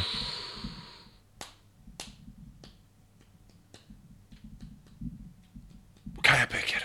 Kaja Peker. Kaja Peker, inače stravičan talent bio. Posle mene, ja sam ga i poslao, kako se zove, ovaj, u FS bio sam posle, pa je bio i draftovan i posle oženio, pred ženim bio s ovom odbojkašicom, ovom Hrvaticom. Čika Mirko, Hrvatica, šta da radim? Pa rekao, živeo sam ja tamo, rekao, ako te voli, oženio u malu odbojkašicu bio, pošto se razvali posle, kako se zove, par godina, ali i dan danas mi se javlja, ja imam neko poštovanje s tom decom, kako se zove, dan danas se čujemo. Kažem, e, pokušavam da okupim ovu moju ekipu, dosta ih ne igra više. Blackmanu kad sam rekao, ovaj, da ga vratimo da igra, me guy will need six months to come back, ovo ono, rekao, mali šanse za par, rekao, barem da sediš na klupi, kako se zove, da nas vodiš. Tako, rekao sam ti ovu moju ekipu koja igra za mene. Evo, Vladu Đurovića sam nagovorio da, Bude trener. o, da bude trener. E, Bogi Tanjević, Bojan, će biti tehniko ekipe, tako da ja mogu, kako se zove, da se vratim, da ne moram. Zadnji ovaj turnir Šariće, da smo ubili sve 30 razlike, kako se zove, ovaj, morao sam ja da vodim, jer Vlado mi se razboleo bio, kako se zove, jel već, ali ne mu nikad čovjek rekao, pazi, on je duboko i se, U, čekaj, kako Osma beše? decenija. Da, 70 Sad puni i 76. 5, 6, da. Ali Đuro, Đuro je moja ljubav, kažem, mnogo me zadužio u životu, dao mi šansu, kažem. Kad je bila promena ona, kad je Đura došao, prvo što su mu rekli koga treba da otera, sam spomenut ja. Opa. Sad seti se ovaj, kako sam kod Đure igrao i kako smo izbacili Cibonu, ono finale s Partizanom, ono je bila NBA ekipa, kažem Milenko Savović. Pa Milenko Savović je bio jedan od ove od delova Petrovića i, i Bodiroge. To ljudi nisu znali.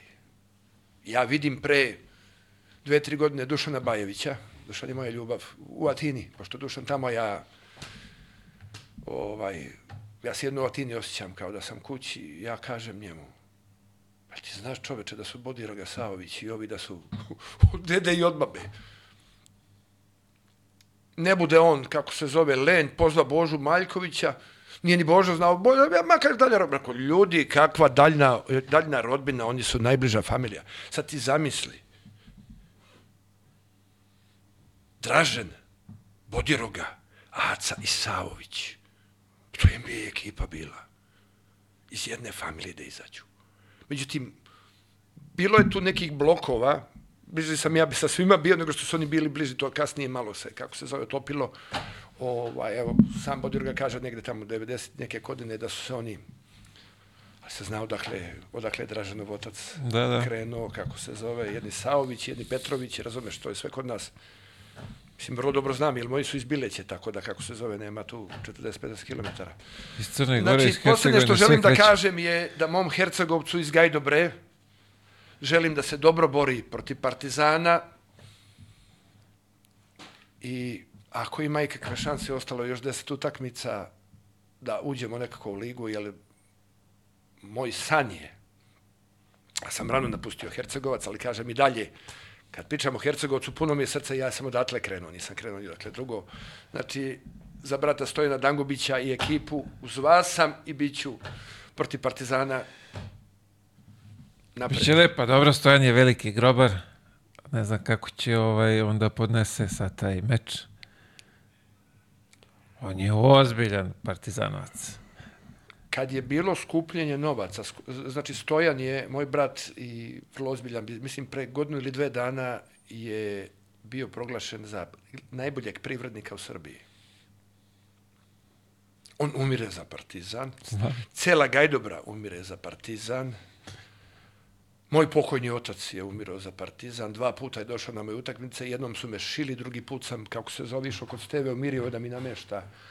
I rekao sam, tata, kumim te Bogom. Ne dolazi, ne dolazi, kako se zove. Rekao, svaki put kad dođeš, kaže, volim ja da ti daš 30, ali i da Partizan pobedi. E, Rekao, dobro. To je Gajdobra, kažem, moja ljubav, ja svaki put kad pričam, kad imam trud, ne mogu da ne spomenem Gajdobru, jer to je deo mene. Apsolutno. To je to. E, ostaje mi neki utisak da nismo mnogo rekli, da nisi mnogo ispričao. Nekako mislim da ima tu još mnogo materijala Ima da se materijala, ispriča. kako se zove, ali evo, Ajde, ostavimo nešto i za drugi put. došao sam, Bože kažem, puno mi je srce što sam došao kod tebe, uh, svi pričaju o ovom podcastu, ja nisam ni koristio TikTok do pre dva meseca, kako se zove, žena mi je zabranila sve ove, kako se zove, ove mreže, ovaj, eto, na, onda sam shvatio da se bavite ovim divnim i ozbiljnim poslom.